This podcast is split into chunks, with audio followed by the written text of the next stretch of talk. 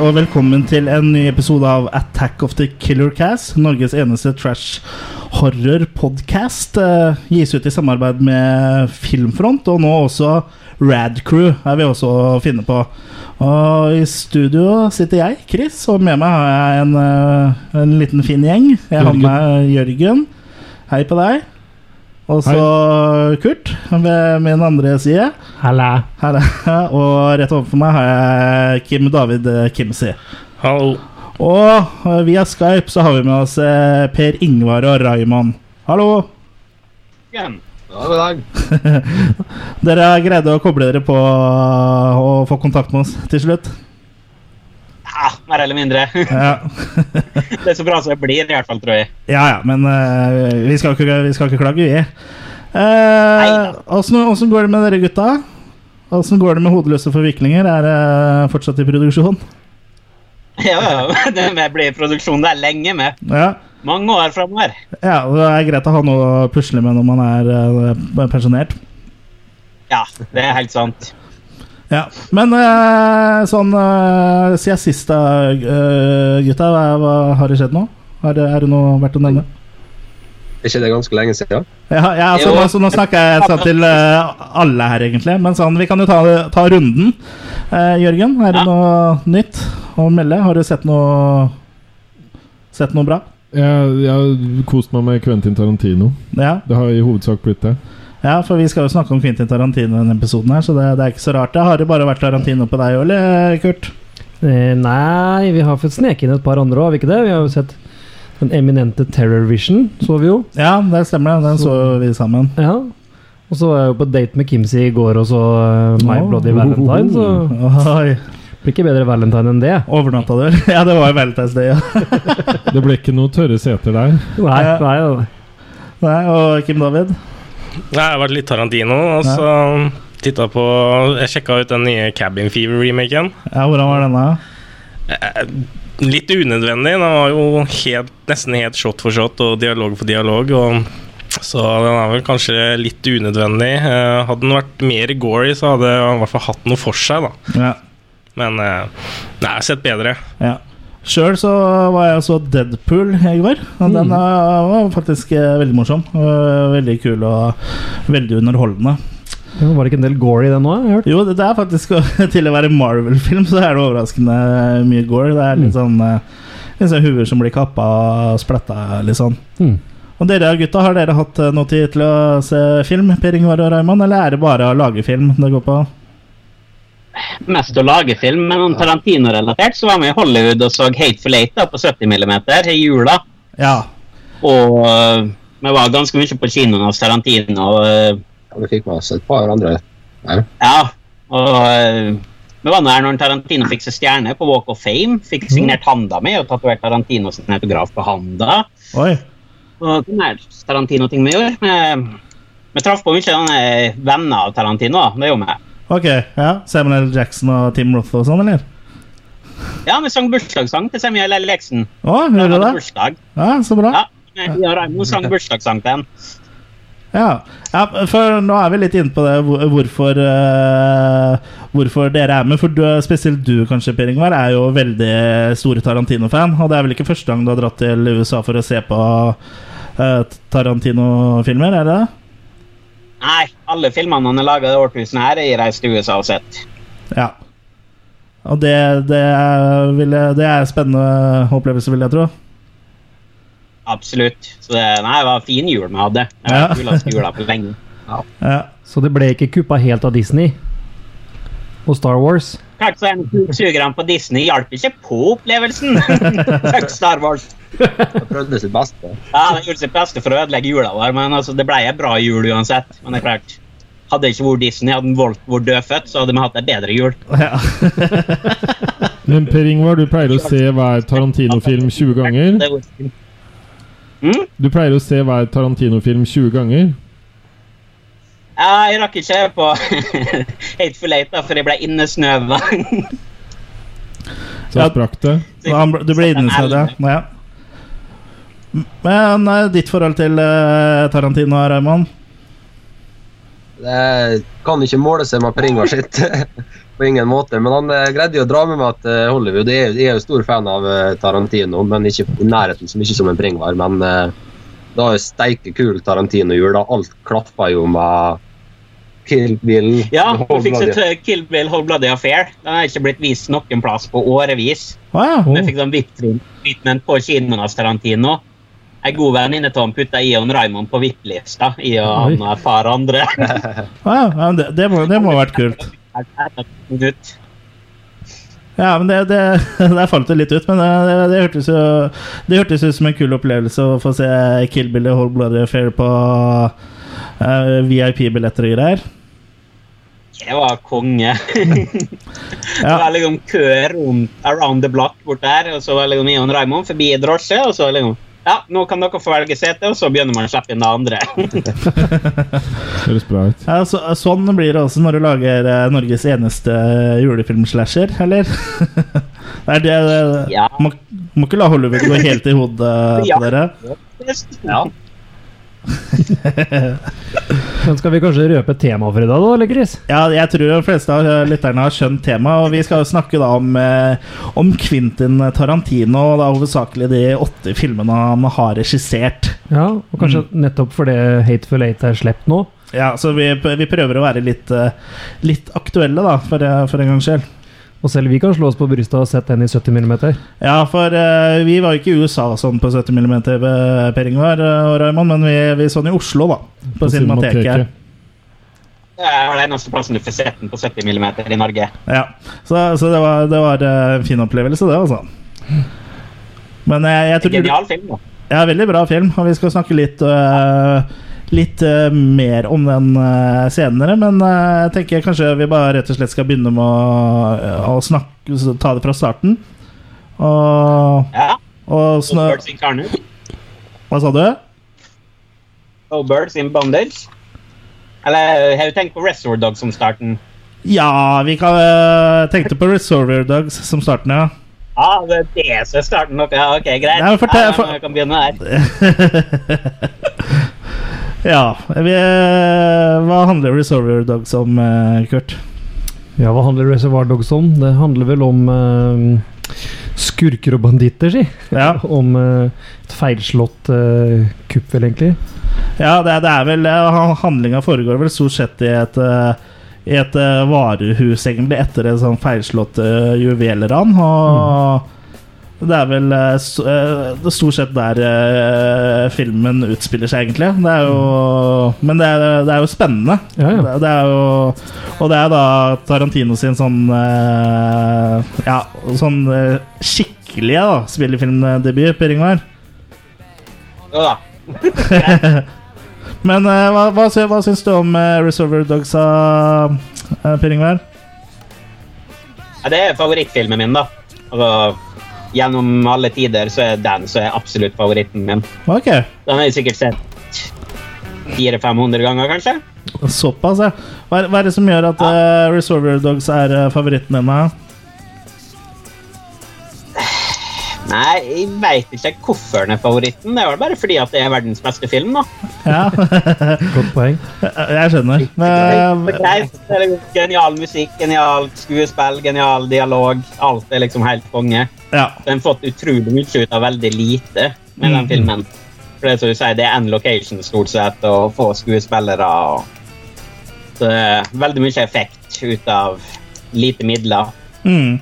Ja, han utnytter, utnytter virkelig eh, det han har å, å rutte med i Reservoir Dogs. Og, og det var jo på mange måter en type film som eh, man, man aldri hadde sett uh, før heller. For det er jo liksom en helt egen stemning og ja, måte å lage film på, da.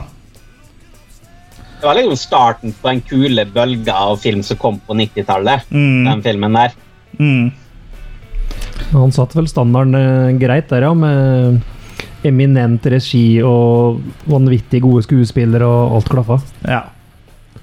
Absolutt. Så, så har vi Keitel og Chris Penn og ja, Quentin Tarantino spiller jo også en bitte liten rolle Ja. sjøl, som han øh, jo har for vane Eller i hvert fall hadde for vane å gjøre. Mm. Eller han er jo liksom alltid på en måte med, enten om det er en bitte liten rolle, eller om det er voiceover, eller et, et eller annet. Men eh, ja, hva, syns eh, du om eh, hvordan Jeg Jeg får ikke så mye ut av Reservoir Dogs som Per Ingvar eh, får, dessverre. Nei? Det stiller meg litt spørsmål når jeg ser den filmen, er når kommer det action? Når skjer det noe? Ja. Og ser, ser jeg for meg at Per Ingvar sitter og koker eh, og hytter med neven eh, i andre enden av Skype-internett her. Studio denne gangen. Dere er redd for hva vi hadde gjort. Ja, ja vi, vi må jo passe på at Jørgen ikke Ikke eh, blir skada. Vi har lagt mye eh, investeringer i han. Vi må ha det på en Men, internettslengde. men, men Kim, eh, støtter, støtter du meg litt? Jeg som er forstandig på film, da.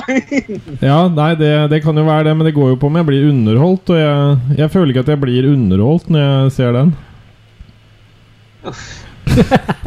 men, men Kim, hva, hva tenker du? Uh, nei, jeg, jeg er vel mer på Per Ingvars side. Jeg syns den er eh, veldig, veldig bra. Også en av favorittfilmene mine. Jeg har sett utrolig mange ganger. Men eh, jeg har hørt noen rykter som at det egentlig er en shot for shot remake av en asiatisk film som jeg tror heter City on Fire. Kan det stemme? Vet du noe om dette, Pringo? Jo da, stemmer det. Ringo Lam-film. Ok, Så, så det, er, eh, det er en remake, altså? Nei, altså det er ikke det. Altså det er En del scener som er veldig like, og enkelte klipp som er veldig like, men det er en helt egen film. Det er omtrent å si at uh, Full Metal Jacket er noen shot by shot remake av Stripes, egentlig. Ok. Så, men er vi veldig tungt inspirert eh, av da, kanskje? Hæ? Men han er kanskje eh, Han er kanskje veldig eh, inspirert av den filmen, da, akkurat som han er inspirert av Jeg er klart inspirert mm, til, det er det ikke tvil om. ja, For han er jo glad i å, å låne litt her og der og smelle det sammen og liksom smelte det om til noe eget. Det er jo liksom et, et av kjennetegna til, til Quentin Tarantino. Men uh, ja. sammenligner litt med ting i forhold til Hateful Eight. Altså Det er veldig mange like kløpp og like ting der, men det er liksom to vidt forskjellige filmer. Ja, ja, ja, de kan jo minne litt om hverandre. Men ja, Jørgen, du syns ikke uh, Resolver Dogs, eller De hensynsløse, er noe Det, det har ikke noe med det at jeg på en måte Jeg setter ikke den her på som en topp fem over de verste filmene jeg har sett. Det er ikke det jeg mener. Jeg bare syns på en måte han lykkes så mye mer i forhold til hva jeg liker, i allerede i sin neste film. ja. Så der skal jeg Der skal du være litt- der skal være- mer. Der skal du være litt mer positiv. Ja, her var det mer sånn i støpedigelen, eller hva det heter for noe. Ja. Ja. Jeg, jeg, Støpeskjeen. jeg er ikke helt enig med deg der, altså, men, Nei, men eh, det- men det er lov. Det, er det, vi, det er det vi er her for. Det, at, at det kan bli litt uh, diskusjoner, er jo bare bra. Ja. Har du noen uh, gode sånne, uh, historier eh, fra eh, produksjonen av Resolver Dogs, eller noe som ingen har hørt eh, før, eller Per Ingvar? som Ja, jo, jeg, jeg forstår ikke det, men det er vel en historie som ingen egentlig bryr seg om høre heller, bortsett fra jeg. Ja. Men kan, du kan jo prøve oss. Ok, Uh, nei, skal vi se. Um, så kan være litt interessant, da. Han, uh, Michael Madsen, når han for om med politiet i bagasjerommet, Mm. tok han seg en runde på ordentlig, for han ville liksom få følelsen av det. Og han uh, som spilte Marvin Nash, han ville se hvordan det var å ligge i bagasjerommet, så han kjørte som en tulling gjennom LA. Ned i alle andre hull og over alle kantene som fant, bare for liksom å eh, få ut den sadistiske sida si. Så han politimannen i bagasjerommet han var ganske mørbanka når han åpna bagasjerommet i filmen. Nei, sånn historie. Ja, men uh, det var jo morsomt, det, var det ikke? Ja, det Al- Alt for autentisiteten, ja. Ja, det er inside-informasjon som det faktisk ingen har. Eh, når det er at en prater om eh, at han eh, holder på å selge hasj. Nær noen historier, undercover-historier. Ja. Han holder på å prøve The Lost Boys og blir avbrutt hele tida. Ja, den, Det eh, er basert på en kom... Hæ? ja, den der undercover-storyen som uh, Tim Roth uh, lærer seg utenat for for å overbevise om det Ja. Sånn. Mm. Den er basert på en romkamerat av en Tarantino på 80-tallet som heter Stivo Poli. Um, Å, det er ikke stått verken i noen bøker eller noe. Det er inside-informasjon som jeg har fått direkte fra Stivo. Det, det er fin sånn infogreie som ingen andre har, tror jeg. Ja, nei, det var nytt for meg i hvert fall, så det, det var jo Det var morsomt, da. Men, men. Jeg tror ikke den har vært offentliggjort før. Nei, så det er for, for første gang her i Attack of the Killer Cast. Breaking news. Breaking news. men, men Per Ingvar, jeg tror jeg må se den med deg en gang. Jeg. At det da vil funke mer. da må du ikke være så veldig kritisk, i hvert fall. Nei, ok. jeg ble skutt med luftpistol. det skjedde en gang. Ble veldig sint. Ja, ja. Det er jo helt klart en glimrende film. da Jeg må stille meg bak uh, i, i ja du er bare redd for å bli skutt med Ja, ikke sant? Nei, men For meg så var det første Ja, naturlig nok Tarantino-filmen, men eh, jeg likte den veldig godt fra starten av, og er vel ja, topp to for meg av Tarantino-filmer, i hvert fall. Mm. Raymond, du, er- du er rolig, rolig der borte. Du, du tør vel kanskje ikke si noe, eh, som sitter så nærme Per Ingvar? Jeg sitter altfor nærme. Ja. hva hva syns du om Resolver Dogs? Nei, jeg likte, jeg likte den jo veldig godt, og når en jobber så tett med han Per Ingvar, så er det klart at de må like den veldig godt. Ja. Han har betalt for det. Det, det, Det tett- det står i kontrakta di at du skal være enig med Per Ingvar. Ja, det er veldig tydelig skrevet der. Det er Per Ingvar sin vei, det er helt feil. Ja. It's my way or the highway. Ja. Men hver film med en karakter som heter Mr. Pink, må jo være bra. ja, eller Mr. Brown. Eller. både Mr. Pink og Mr. Brown er med. Og det, var vel sånn at eh, Samuel L. Jackson eh, var vel på audition for uh, For uh, Resolver Dogs, men han eh, fikk ikke rollen. Nei, jeg vet. Hm? Ja, det stemmer. Mm. Men uh, Tarantino sa til han at uh, fortvil ikke, min venn. Jeg har uh, Større planer for deg. Ja, større planer for deg, og det skal vise seg at det, det hadde han. Men i hvert fall sånn til å begynne med Så hadde han i hvert fall skrevet, skrevet en rolle til den da, i hans neste film, eh, som da er Pulp Fiction. Og ja, Jørgen, du sa at uh, neste film, uh, som da er Pulp Fiction, den var litt mer uh, nærme dine herremaker. Ja, her er det jo for det første en dame med. Ja, det liker du. Ja. Så det, Uma, Uma Thurman. det drar jo opp litt. Ja. Hun spiller jo en veldig god rolle, og, og Travolta og Samuel. Jackson, som er tøffinger som går rundt og skyter og siterer bibelvers som ikke fins i Bibelen og sånn, det, det er en helt annen greie. Det liker du. Ja. Ja. Pulp Fiction, eh, dere, den, eh, den står jo som en eh, ja, Som en sånn svær bauta i, i filmhistorien. Det gjør kanskje Det, det gjør jo Resolver Dogs òg, men Pulp Fiction, som da kom i 1994, som er eh, Tarantinos andre, må, må vel sies å kanskje være større. Det er mesterverk. Ja. Det er vel her han ordentlig ordentlig slo gjennom. Her han ble lagt merke til, og her han ble et navn. Mm. Og, øh, så det er ikke noe tvil om at det her er vel en folk Når folk hører Tarantino, så er det vel Pulp Fiction de tenker først og fremst, tror jeg. Mm. Men eh, sånn eh, Hva er det Pulp Fiction handler om, eh, Per Ingvar? Hæ? Filmen handler om. Nei, Den har du ikke sett. Skal jeg komme med Tarantino-spoilers på podkast? Ja, det er spoiler i denne podkasten. Men eh, ja, hva, Pulp Fiction var jo også en av de eh, present, Eller viste jo en ny måte å fortelle en historie på sånn eh, Det var vel ikke så mange som hadde gjort det før. For, det blir ikke fortalt kronologisk, dette her. Og det er det som kanskje også er er en av filmens mange store styrker, i tillegg til eh, god regi og, og veldig bra skrevet, skrevne scener og dialog, så er jo det nettopp at, eh, at det ikke blir fortalt kronologisk, og at det er da flere karakterer sine historier som fletter seg sammen, som gjør, gjør liksom Pulp Fiction til en eh, spesiell opplevelse, da. Uh, vil jeg si. Mm. Er du enig med meg, Per Ingar? Eh, jo da, jeg er enig med den. Ja. Om, hva- men hva handler Pulp Fiction om? Du vet ikke? Vanskelig å forklare handlinga i Pulp Ja, Fiction. det, er, det, er, det, er derfor jeg, det er derfor jeg spurte deg, skjønner du. For den er, den litt, uh, litt vanskelig å si hva den handler om. Det er en historie om to eh, leiemordere, Ja. spilt av Jon Travolta og Samuel L. Eksen. eh, Så blir fletta i hop med en historie om en bokser, spilt av Bruce Willis. Og en, eh, Og så har vi også Tim, Tim Roth er jo også med her, som en uh, Ja. raner en diner. Hun er veldig søt, hun franske kjæresten til eh, til karakteren Bokseren. til Tim Roth. Ja, til kjæresten til bokseren, ja. ja. Mm. Maria de Medeiros. ja.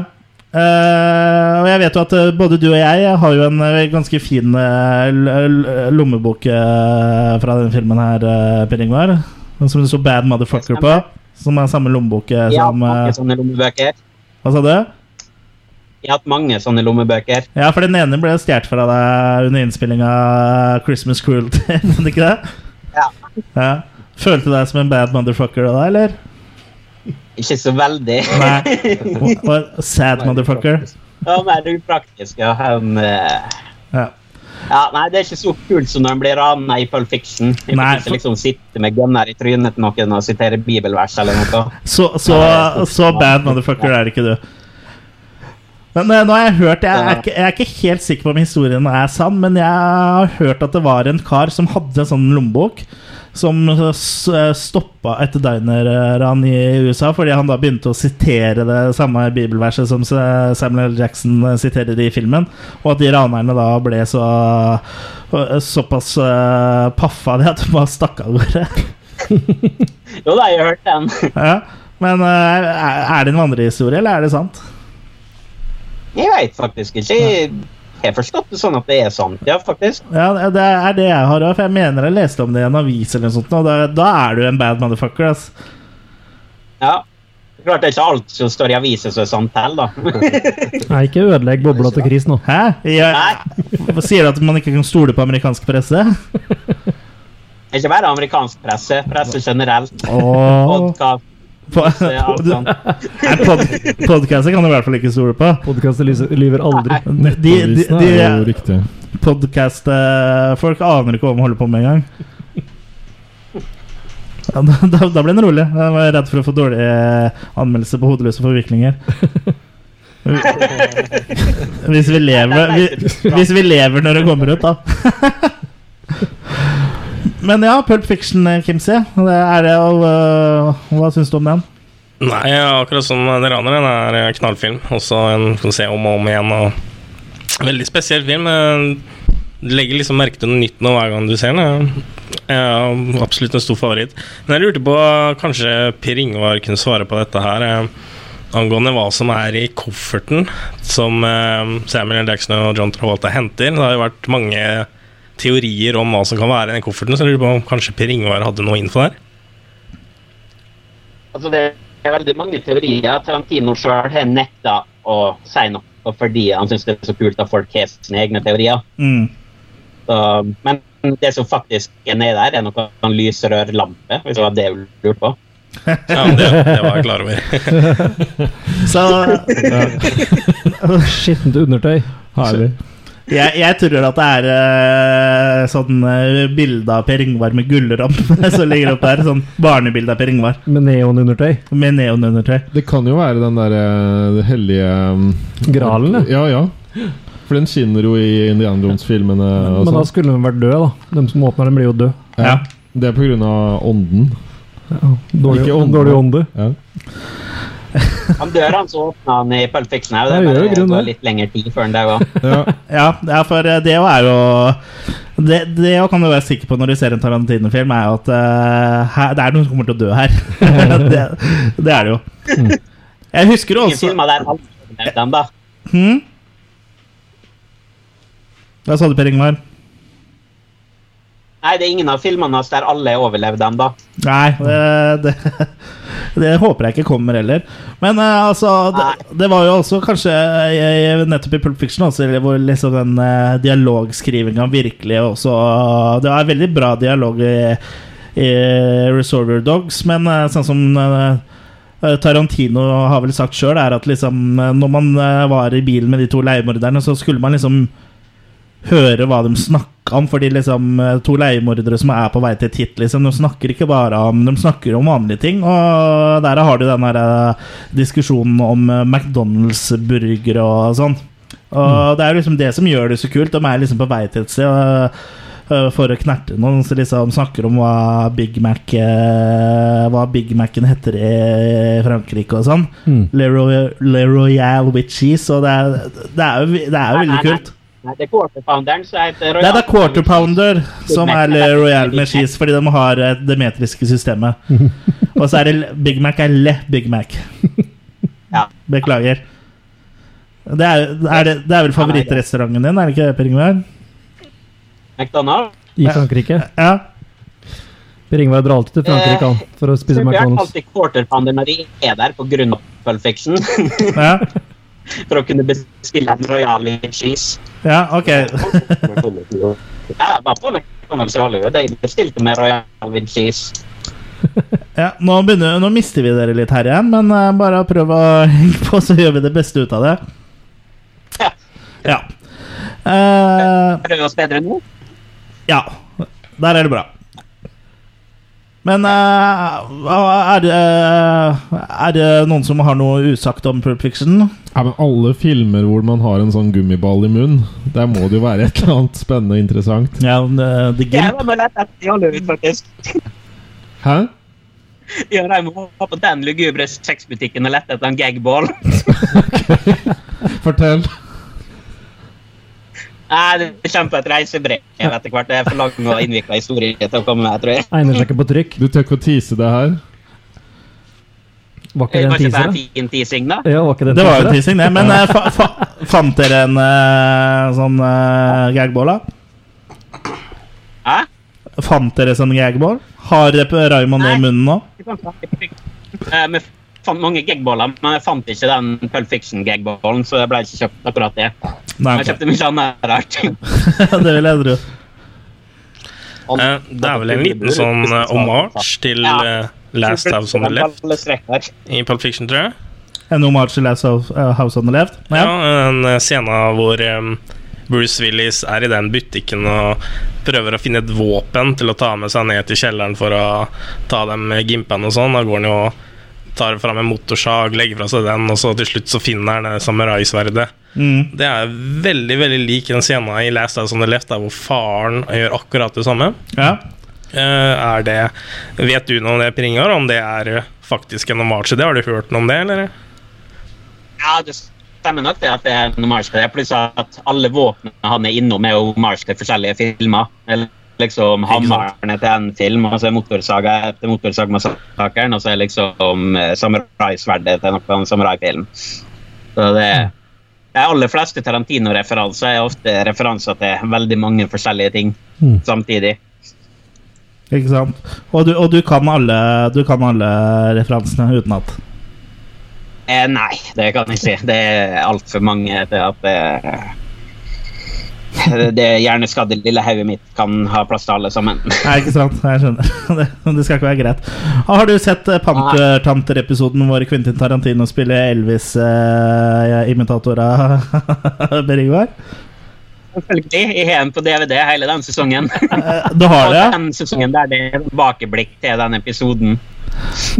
Og hvordan eh, Hvordan er den episoden? Det er favorittepisoden min av Golden Girls, det er det. Uh, Thank you for being a friend. Nei, jeg skjønner. Det, det rareste er Det er vel ikke første gang vi har nevnt Panterante på podkasten her. Det er egentlig litt spesielt.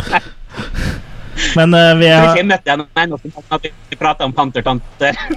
vi har snakka mer om Murder She Wrote. For uh, når vi snakka om uh, Var det Killer Clans from Outer Space?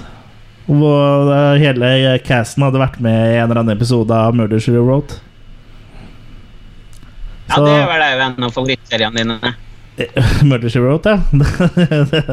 ja, det er det. Det og Columbo. Ja, Dame, så er du fornøyd.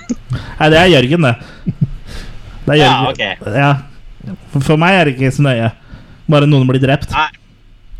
Ja, ja, det er viktig. Ja, det, det er det viktigste. Men det er, det er noen damer i den hodeløse forviklinger, vel, eh, Per Ingvar? Det er ikke bare menn? Ja, ja.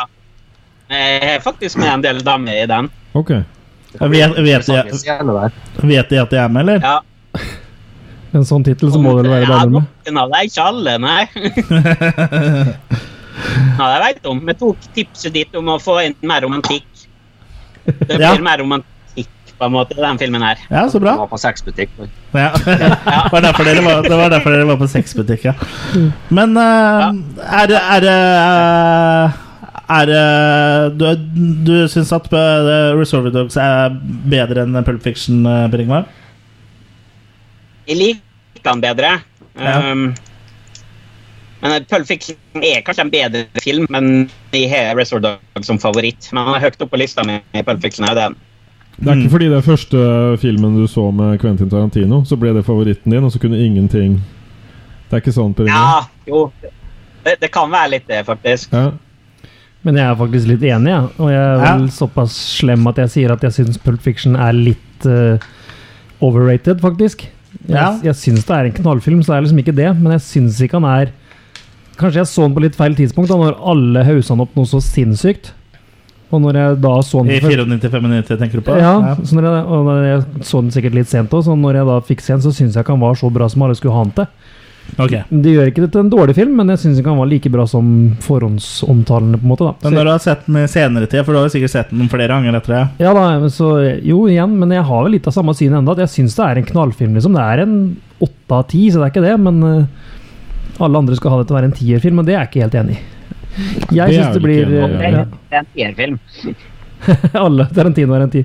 Tarantino. Alle Tarantino-filmer er tierfilmer. Hvis Tar- skalaen ikke går høyere. Tarantino. Å, herregud. si det 50 ganger til. Nå har du, nå har du vært for mye sammen med Jørgen på fritida, Kurt. Nei da, men uansett, jeg syns Reservoir Dogs er en bedre film. da Jeg blir mer underholdt av den. Syns det er bedre tempo og Jeg er enig.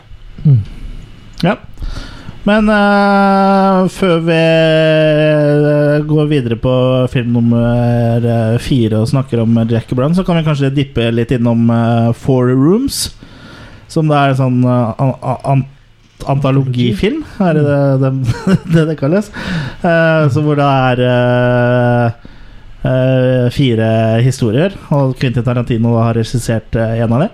Ja, det er fire regissører, fire episoder som eh, intertwines. det er jo et hotell da, med mm. en nattportier som eh, får en del spesielle oppdrag da, i løpet av natta fra fire spesifikke rom i det hotellet. Mm. Og hvor det siste episoden og siste rommet han er innom, der eh, har Tarantino regi og spiller i den episoden. da. Ja. Og hva, hva syns du om Forums eh, den, den så vel du nylig, gjorde du ikke? Ja, jeg så den nå nylig. Jeg syns den var artig, den. Altså, jeg syns uh, et par av episodene var veldig underholdende. Par av dem var kanskje litt mer intetsigende, men Tarantino sin var vel kanskje den sterkeste. Ja, Denne Rodriguez sin var vel egentlig den sterkeste. ja ok. Og du har vel ikke sett denne, Per Ingvar? Jo, uh, Forums har jeg faktisk sett. Ja. Da jeg og Magne var i eh, New York for å se Django, ja. Da hadde jeg faktisk med meg den her noe skjærefjøl og ei kjøttøks og en ball med hyssing og fire spiker i kofferten, som er en Forums-referanse. Mm. Så den kofferten forsvant på vei bort til New York på en flyplass. Populært, tenker jeg. ja. Men hvem eh, Det er jo en homasj til en eldre episode av eh, en Hitchcock-sak. Eh, Nå husker ikke jeg tittelen på den. det husker sikkert du. Ja, stemmer. Det, jeg husker jeg har sett den episoden for mange mange år siden òg. Så det var litt moro å se, Ja. se denne homasjen, på en måte. da Ja, Men eh, ja. eh, En, anekdotefilm, men eh, greit å ha med seg i rekkefølga. ja. jo da. Men det er vel svakeste av filmene han Tarantino har vært regi på. Sånn ja. sett. Og, og den telles jo ikke uh, som en av hans filmer heller. Ikke sånn offisielt, i hvert fall. Ikke av Tarantino sjøl, i hvert fall. Det står ikke Tarantinos 8,25. film på Hateful Eight. Nei, det, det gjør ikke det. Uh, har du sett Forums, uh, Kim David? Uh, ja, det har jeg. Um, helt grei film, men jeg, jeg elsker den siste episoden, eh, The Man from Hollywood, er det ikke den heter? Um, jeg, jeg har sett den om og om, om, om igjen, og jeg, nei, jeg digger den. Jeg elsker det blant annet at det er jo Hvis jeg ikke tar det feil, så er det vel tre eller fire lange klipp eh, i denne episoden, og en av dem er vel kjempe, kjempelang. Mm. Kameraet bare går og går og går rundt, eh, rundt leiligheten og filmer. og En longshot. Skikkelig lang longshot, og det er vel på slutten der, tror jeg. Og den lengste shoten så er det vel Eh, når Tarantino skal sprette en champagne og tar en stor slurk, så spruter over hele trynet på han, og Mm. han bare fortsetter å gå akkurat som det var helt vanlig. Det syns jeg var veldig kult. Ja. Det starter allerede i introen når han går inn i rommet. Og så Riktig. følger han inn hele rommet og rundt alle karakterene i rommet. Ja, det, er, det er så eye candy. Jeg Ja. elsker sånne long shot. Ja, ja det, det, er, det er jævlig kult med sånn longshot, så Og Jørgen, du, du- du liker jo også godt når eh, folk blir spruta i ansiktet. Det det er en bra film for deg. Det, tenker du på From Dusk to Dawn eh, nå? Nei, det tenker jeg, jeg tenkte ikke på den. får øl eh, via en fot? Nei, nå tenkte jeg på Four Rooms, jeg. Har ikke, ikke sett. Nei. Men eh, Det var en longshot, rett og slett. skal vi da gå videre på Tarantinos eh, tredje, Jack Brown, som da er en eh, hyllest til uh, Black Exploitation-filmene. og eh, heavy inspirert av det, og med sjølveste Black Exploitation-dronninga sjøl i hovedrollen, Pam Greer. mm. Det, jeg var på den seremonien der Tarantino fikk stjerne, som jeg var på i Hollywood i jula. ja, hun var det, ja? Kult. Ja. Ja. Pam Greer var det. Ja. Åh, Misunnelig, altså. Uff. Ja, jeg bør på vei. Men jeg, men jeg, jeg mener å huske at uh, Det er mulig jeg husker feil nå, Kim David, men har ikke du sagt at uh, Jackie Brown er en av favorittene dine? Ja, det stemmer. Det her, Jackie Brown er eh, definitivt en av mine favoritt-Tarantino-filmer. Det er vel den jeg har sett flest ganger, tror jeg. Og jeg står på mitt og vil si at det, denne filmen også har det absolutt beste soundtracket. Men det er jo litt sånn personlige meninger, da, for folk har jo forskjellig musikksmak. Men eh, ja, dette er en film jeg absolutt elsker. Det er en film som jeg kan se når som helst uansett. Og det er en sånn chill film som pass, pass, alltid vil passe å se på. da Slack søndag, en god fredag. Der. er, Men er det noe med afroen her òg? ja, det er jo ikke Det er jo ikke noen hemmelighet at uh, jeg liker uh, damer med afro, og Pam Greer er jo Og er best. Ja, Det var jo ikke noe afro her, da, dessverre, men det har jo i flere av de eldre filmene. men Kim kan forestille seg Ja, kan forestille seg. Men eh, er det din favoritt Pam Greer-film, eller har du Ja, mm, ja, jeg vil tro kanskje det. Nå ser vi kanskje litt mer av henne i filmer som Coffee og sånn, da, men eh, ja. Mer av kroppen, eller hva ser ja, du? kroppen, ja. ja. Eller Shiba Baby? Men uh, de er ikke like bra som denne filmen, altså. Nei, det er vel Det er vel eh, hakket bedre manus i, i Jackie Brown. Og Ja, hva er det Jackie Brown egentlig handler om? Det er jo en uh, middelaldrende kvinne som jobber som flyvertinne, som uh, smugler dop. Det er vel, eh, Hvis vi skal oppsummere det sånn ekstremt kort, så er det vel det. Ja, og gjemmer penger, eller henter pe gjemte penger. Skjulte penger. Ja, Per Ingvar? Ja. Ja, du begynte å si noe under her. Ja, smugla ikke dop, og smugla penger. Mm. Ja, det var det det var. ble ja. tatt for dop til noen andre Ja, det var første vel Jeg dop på. med en liten pose til Melanie, men egentlig så jeg lo på å frakte penger fram og tilbake. Ja, stemmer det. Stemmer. Våpenhandel. Han driver vel Ja, med våpenhandel. Det var diverse. Mm. Så gjemmer han pengene i Mexico, så skal hun hente dem tilbake igjen litt etter litt. da. Mm. Ja. Men ja, eh, Jackie Brown er jo da, som jeg nevnte, en eh, liksom hyllest til av Black Exploitation-filmen som eh, da herja på 70-tallet. Og du vet vel kanskje litt om eh, hva det, hvilke type filmer Eller hvilke filmer eh, han eh, var inspirert av, Per Ingvar? Eh, Coffee og Foxy Brown så er to virkelig store Mm. Men det er altså det er hele sjangeren. Det er hele sjangeren. Ja, det er vel ikke mye kjeft og Ja, det er liksom litt kjeft og Hva heter han her? Freddy Williams, er det han heter? Fred Williams, ja. Fred Williams, ja. Mm. Er ikke han med, eller husker jeg helt feil nå? Nei, det er From Dust Till Dawn. Det er From Dusty Dawn han er med. Ja. Der kan du se. Ble du sur på meg? Ja, men jeg traff en som var med Jackie Brown og med på ei vis Hva film var på da? Vi traff i hvert fall på en som er med Jackie Brown når det er at vi var på tur nå. Ja, nå sist? Hvem, Ja. hvem er det, eller du husker kanskje ikke? Ja, det er bare en liten rolle i den her når rettssalen eh, Når det liksom man Sidheig er dommer og Mm. eh, Så han er bare i rettssalen der, da.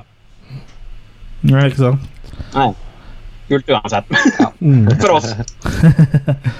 Ja, det, det er jo det. Uh, Sjøl så syns jeg, jeg husker første gang jeg så Jackie Brown, Uh, så ble jeg veldig skuffa. Men det var, jo, det var jo når den kom i 97, og da, da var jeg liksom uh, hyper på liksom Resolver Dogs og Pulp Fiction, og, så da ble jeg liksom litt uh, skuffa. Så for sånn i, i forhold til de to, så er det jo, er det jo mest dialog da, i Jackie Brown, men um, et, eh, etter å ha sett den uh, igjen, så syns jeg at det er, eh, det er en veldig sterk film. Også. Den er, er veldig bra. Så det er jo Det er vel en tierfilm nå, er det ikke, Per Ingar? Jo da, det er en tierfilm, det. er. Men uh, hvordan uh, plasserer du den uh, i, i forhold til Hvis du skal liksom sammenligne den med de vi har snakka om hittil, Jack, Jackie Brown i forhold til Pulp Fiction og, og Reservoir Dogs? Hvis du greier, da. Ja, da kommer kanskje på en tredjeplass, ja. Ja, ja for den, det er jo en sånn I 97 så var det jo på en måte den svakeste han sitter til, ut, uten at det, det betyr at den er dårlig. For den er jo langt fra dårlig. Det er vel kanskje Så den det er ikke en svakere film, men det er klart det er en roligere film. En mer voksen film, på en måte. Og det var det han gikk for å lage. Ja, svakere. Men det er vel kanskje den mest sjangersterke filmen hans, på en måte. At han mikser ikke så mange forskjellige sjangere. Han holder seg ganske streit innenfor det der Black Exploitation-temaet, egentlig. Ja, eh, det, det kan vi kanskje si at han uh, gjør. Ja. Så Nei, jeg syns filmen funker, jeg, til det han er ment som. Men igjen, ja, kanskje Å se, å se på. Å se på, ja. Men kanskje ja, litt mer sånn hva skal jeg, tannløs, på et vis. På et vis. Tannløs. Tannløs film. Og, uh, ja. Per Ingvar? Alle overlever. Nei, det er ikke alle som overlever der. her. Nei. Det er klart Den er ikke så brutal og så mørk som de to første filmene var. Det er den ikke. Nei. Selv med bare svarte skuespillere er det ikke så mørk. Nå må du passe, deg, Kurt. Uh, det er ikke bare mørke skuespillere. Du har jo Robert De Niro her. Han slår jo til og med ut håret. Ja. Jackson. Ja. Ja. Ja, ja han har jo noe fet sveis der. Ja. Hva syns, eh, hva syns du om Jackie Brown, Jørgen? Jeg var på en måte mest skuffa første gangen jeg så den. Sånn som jeg? Og så når jeg så den på nytt igjen nå, så syns jeg han funka mye bedre. Mm. Så jeg vil vel rangere Pulp Fiction som nummer én, og så Jackie Brown som nummer to, og Reservoir Dogs som nummer tre. Hørte, Ja. hørte du meg, Per Ingvar? Hørte du meg? Ja, jeg hørte det. Ja. Og, og det, var, det var vel eh, i 1997, når Jackie Brown kom, at Spike Lee våkna opp. Mm. Eh, For han har jo en sånn beef eh, gående med Tarantino fordi han bruker ordet 'nigger' så mye i filmene sine. Og mener at han er rasist. Hva sa du, Per Ingvar? Det er ikke så mye han bruker ordet nigger. Jeg syns han gjør det ganske forsiktig og bare der det passer. Ja, ja, ja men eh, Ikke ikke, ikke følge Spike Lee, da. Men det var i hvert fall der Spike Lee liksom gikk ut og sa at eh, nei, nei, jeg kan ikke gjøre det. Og Tarantino har jo forsvart seg med For det, hver gang Tarantino kommer ut med en film etter eh, Jackie Brown, så er jo Spike Lee der og kritiserer og boikotter og sånn. Og og da er det jo alltid en sånn diskusjon, liksom, og da svarer jo Tarantino med at uh, selv om han er hvit, så må han jo få lov til å skrive eh, replikker for uh, fargene, liksom. For de bruker ordet 'nigger'. De gjør jo det. Og det blir brukt det ordet ganske ofte i Spike Lee sine filmer. Ja, ja nettopp, men han, altså, det er jo det, det er den dobbeltmoralen som Tarantino og sikter Ja, til. der er jeg helt enig med Tarantino. Ja, jeg er faktisk enig med Tarantino. Altså. Mm, Var ikke Spike Lee og Tarantino venner engang? Han, Tarantino hadde vel en rolle i en Spike Lee-film, var det Girl Six den het, Ja. eller noe sånt? Stemmer? Ja, hva, som har, hva har skjedd da? Var den, det var kult helt til at han begynte å bruke nigger i filmene sine? Eller? Det var kult til Jackie Brown eh, kom, virker det som, hvor han lagde Black Splotation Illus. Da Hvor han lagde bre bedre film om eh, mørke ja, kan, en det, er, det er sikkert det der. Jeg jeg tror det er litt mer det, ja. Ja. Spike er rett og slett misunnelig at Tarantino greier å lage bedre filmer om svarte karakterer enn han greier sjøl. Ja, det, det må jo være det.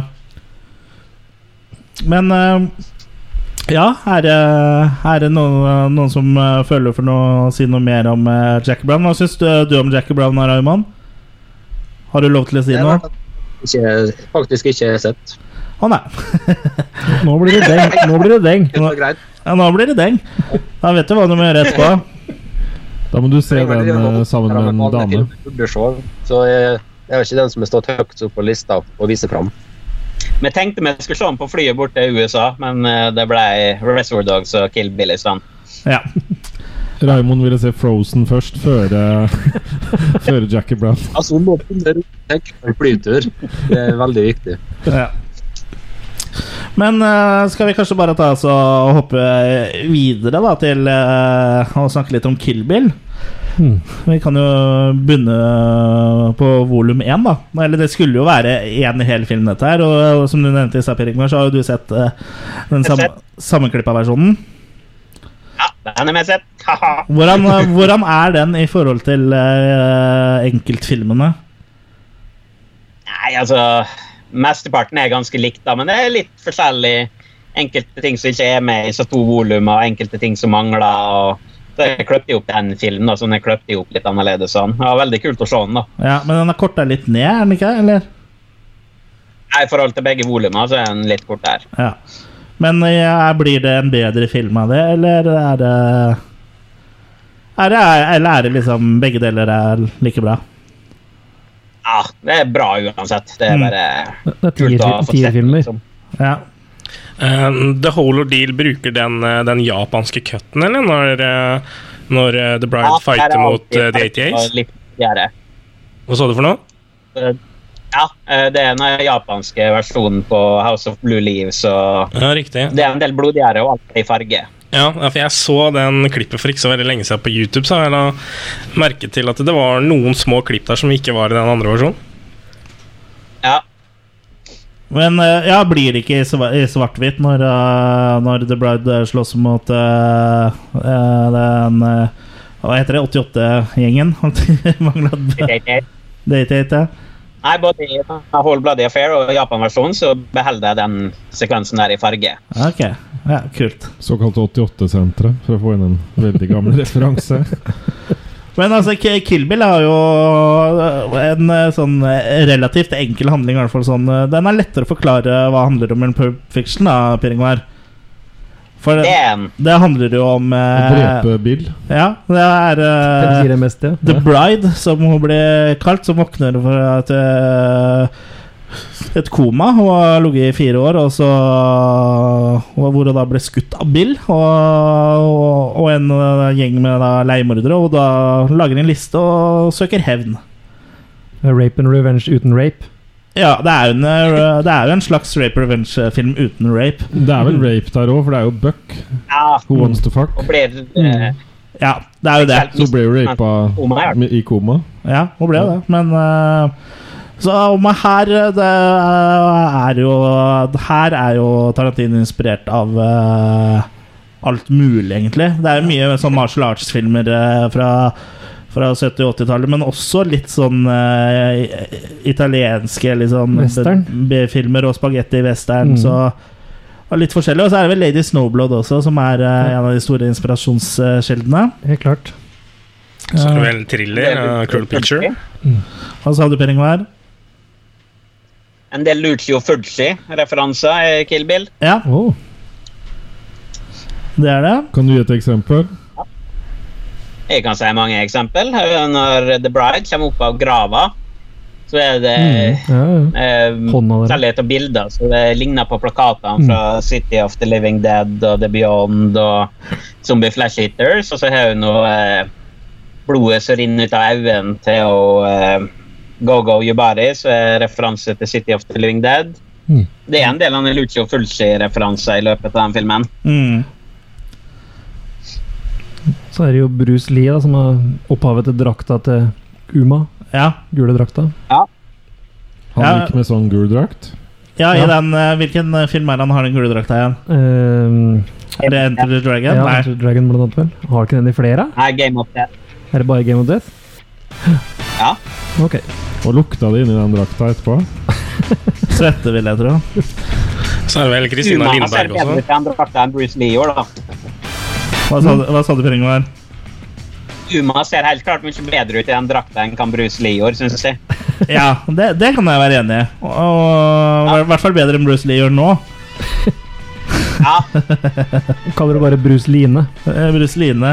Men her, her er eh, det, Kill Bill er jo en eh, Her er det jo mer action da enn det har vært vært tidligere, uten at eh, det går på bekostning av dialogen. For det er jo mye bra skrevet dialog her også, men eh, det er liksom eh, veldig fokus på, på kampsekvensene, da. Mm.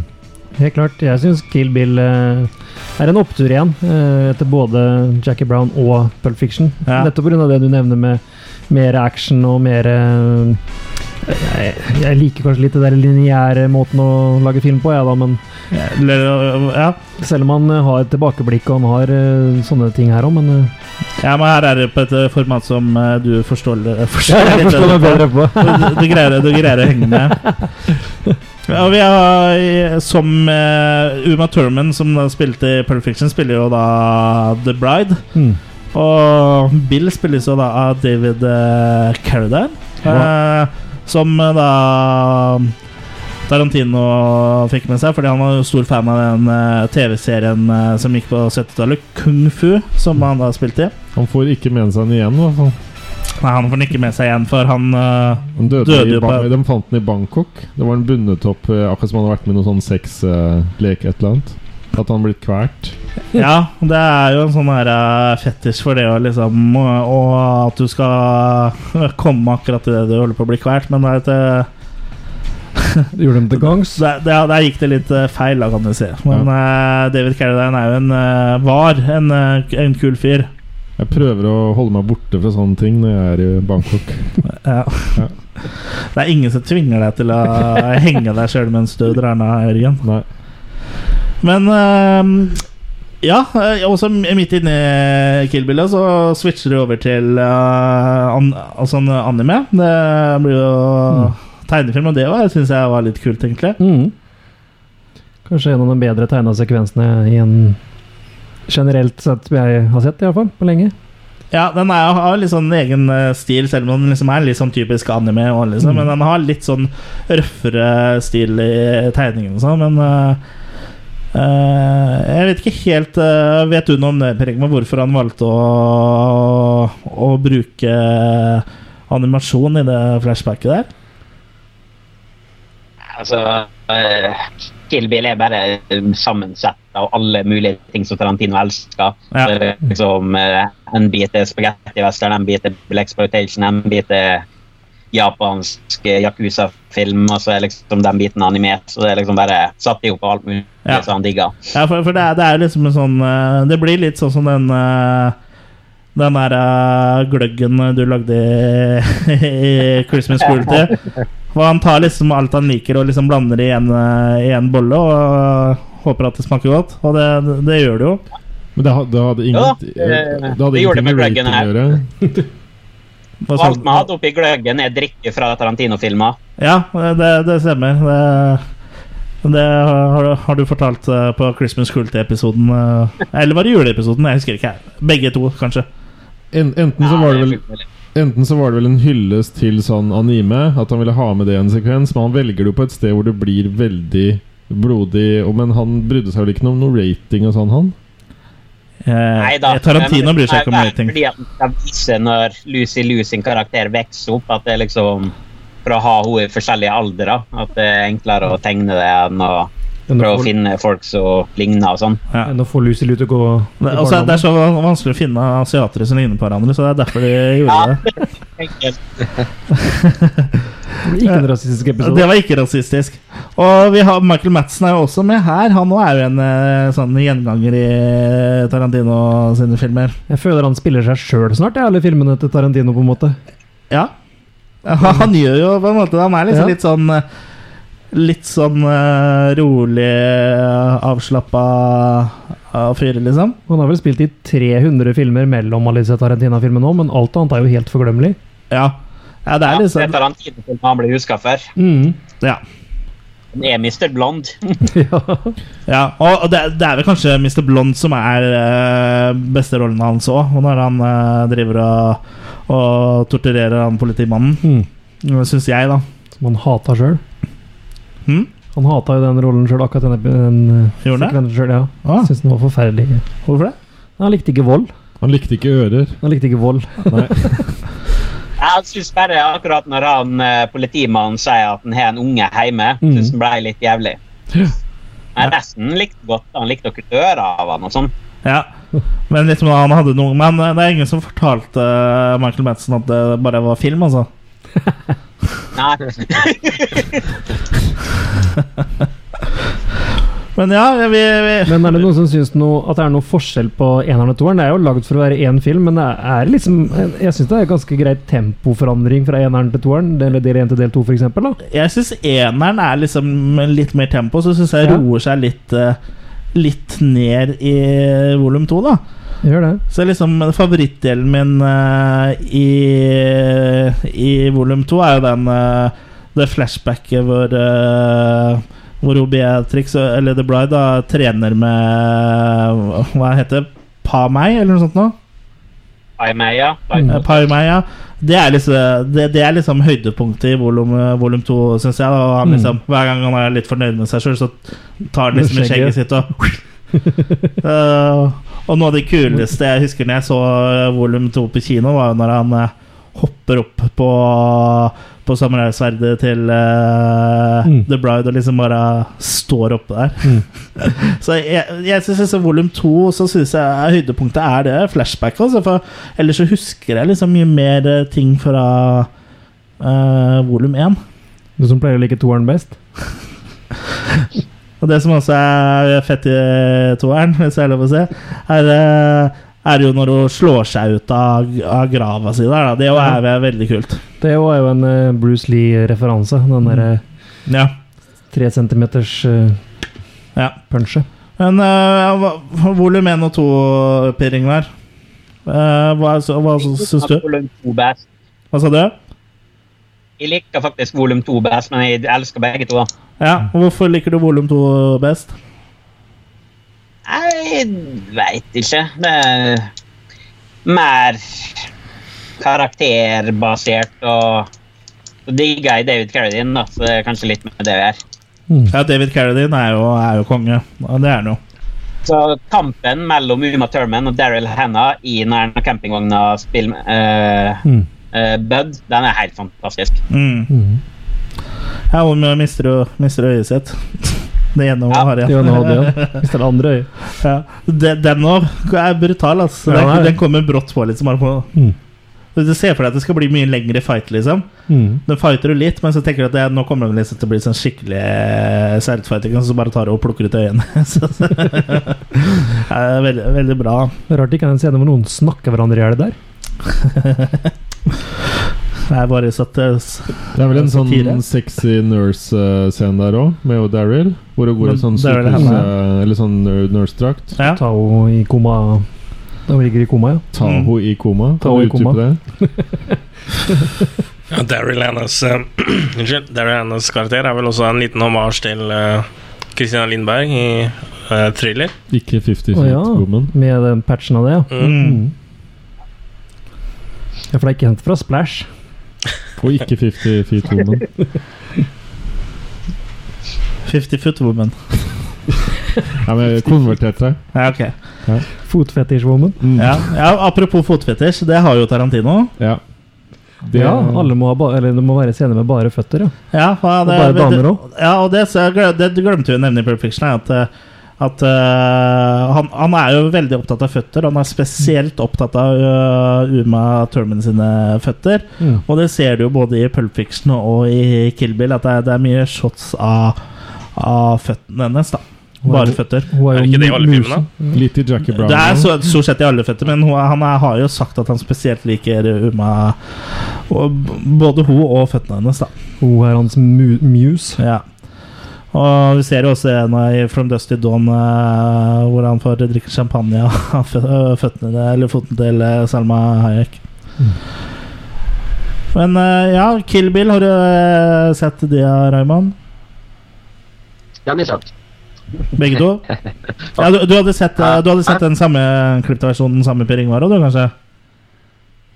Ja, var der og så den, og den syns jeg funka veldig bra. Du, du tenker ikke over at uh, volum 1 burde ha enda, og volum 2 skulle starta der.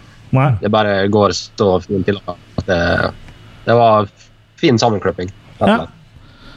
Eh, hvordan uh, plasserer Kill Bill seg i forhold til de andre Tarantino-filmene for deg? Eh, Det, det er ikke favoritt-Tarantino-filmen min, det, det er det ikke. Men jeg liker den, jeg liker den veldig godt, det er jeg. Men eh, det er andre som jeg liker bedre. ja. Ja, Og de har vi ikke kommet til ennå, eller? Nei, jeg er såpass ung at jeg bare sett den nyeste. Ja, okay. Nei, eh, det er vel eh, Django som er min favoritt, vil jeg, vil jeg tro. da. Ok. Ja. Den ligger, ligger langt oppe, og i hvert fall eh, Hold Bloody Affair. Den ligger, ligger langt oppe, den der. ja. men Det kunne jeg tenkt meg å få uh, sett, og så er den uh, tilgjengelig Den er ikke tilgjengelig på Blu-ray eller DVD eller noen ting, da. Tydeligvis ikke. Altså, det fins én filmrull, eller altså ett eksemplar på film på den filmen. Det var den vi så i Hollywood. Ja, ikke sant. Vi så den, så var det flere år siden sist de har blitt vist noen som helst plass. Mm. Du må ha en sånn Hollywood-stjerne som oss for å Ja. slette inn der. Jeg skjønner, jeg skjønner. Åh, jeg er misunnelig på, misunnelig på det. Så jeg Du må få skal, sånn, jeg være like store som dere. du må få deg sånne briller med kamera på, uh, Per Ingvar. Når du er på sånne sjeldne visninger. Hæ? Jeg hadde faktisk med oss kameraet ditt. Hadde du det? Har du noe resultat filma da? ikke filmen, da, men Nei. jeg var også satt og var fornøyd med å være i salen. Ja. Du satt og filma sånn selfie-shot? At du var fornøyd med å se på den? Jeg jobba for en Tarantino som hadde baka kake til oss. Vi fikk ordentlig en VIP-treatment. ja, så bra. Det er mye misunnelig på det, så får jeg lov til å se For det Hold, fair, hold Bloody Affair og få kake. Det var ikke Jeg var fornøyd den dagen der. Ja, det var, det var god kake. Bare Ja, ikke noe bukake? Ikke noe bukake, nei. Ja. Skal vi gå videre, da, eller, Chris? ja, vi kan jo ta turen innom Groundhouse uh, vi, bare veldig kort før vi går til Inglorious Bastards. Uh, Groundhouse var en sånn eh, samarbeidsprosjekt mellom Tarantino og Rodriguez. For å liksom Robert Rodriguez For å gjenskape den Grindhouse-filen, hvor du da hadde en sånn double feature-bill. Og så lagde de også i trailer for andre filmer som de la imellom. Mm. Og en av de trailerne ble jo faktisk to filmer. Uh, Machete og Machete Kills. Ja, Er ikke Ho- Hobo with a Shotgun her også der? En av dem, ja. Ja. Så Jeg hadde. Mhm. Hobo with a shotgun var ikke originale pakka. Det var en konkurranse jeg lyste ut i etterkant. Okay. ja, stemmer det. Er den filmen. Det var ekstra materiale på Blu-rayen, tror jeg òg. Ja, det var sånn det var. Ja. Men, uh, men i hvert fall i Grand Prix på 2002. I hvert fall Machete var jo da i hvert fall eh, Ble i hvert fall filmer. Men eh, den det er filmen som da, Tarantino har laga her, heter da Death Proof. Mm. Og der er jo Kurt Russell blant annet med. Og Det er jo en omasj til disse bilfilmene fra 70-tallet, sånn som Vanishing Point og Ja, hva de het alle sammen. Mm. Men der fikk han vel med også en veldig kjent sånn stuntkjører. Ja, som var autentisk, for å si det sånn. Som har Ja. vært med i mye av de kjente Det er jo slags Det er sånn rart, for det mm, Death Proof Jeg har bare sett Groundhouse-utgaven, så jeg har kun sett de versjonene som er i den Groundhouse-versjonen. Ja, for den ble gitt ut eh, på, i, i individuelle utgivelser i Europa og sikkert i USA, men i hvert fall i Europa så ble jo aldri den uh, Groundhouse-utgaven gitt ut. eh, nettopp fordi de, vi ikke hadde noe Eller de uh, regna med at vi ikke hadde noe forhold uh, til uh, Groundhouse her, da. Ja, det hadde de vel tydeligvis ikke i USA heller. gjorde det ganske dårlig på kino borti Ja. USA. Ja. Folk gikk etter første film. Jeg så den ti ganger på ei helg. Ja. Men jeg, jeg, jeg, jo, jeg syns jo Death Proof er en, eh, er en eh, fet film, jeg, altså. Jeg syns den andre halvdelen er kul. Jeg digger den, jeg òg. Det er bra med jeg chicks der, da. Ja. Det er jo det du Det er det du liker best. Det er viktig med en film, det. da Ja. Men, men i Grindhouse-utgaven så er vel en av de viktigste scenene kløppa bort. Den der strippedansescena er jo vekk i Grindhouse-versjonen. Ja, viktig så for Jørgen, da. tenker Ja, ikke sant? Ja. Siden Chicks. Så Ja. Vet, det finnes egne nettsider for sånt. eh, ja, han, eh, der forsvant Jørgen, og sitter han og surfer på dataen her. Favorittfaner, heter det. Favorittfaner, ja. Men sånn i grove trekk så handler vel Death Proof om eh, en eh, fyr som liker å kjøre ned folk. Ja. Stuntman Mike. Mhm.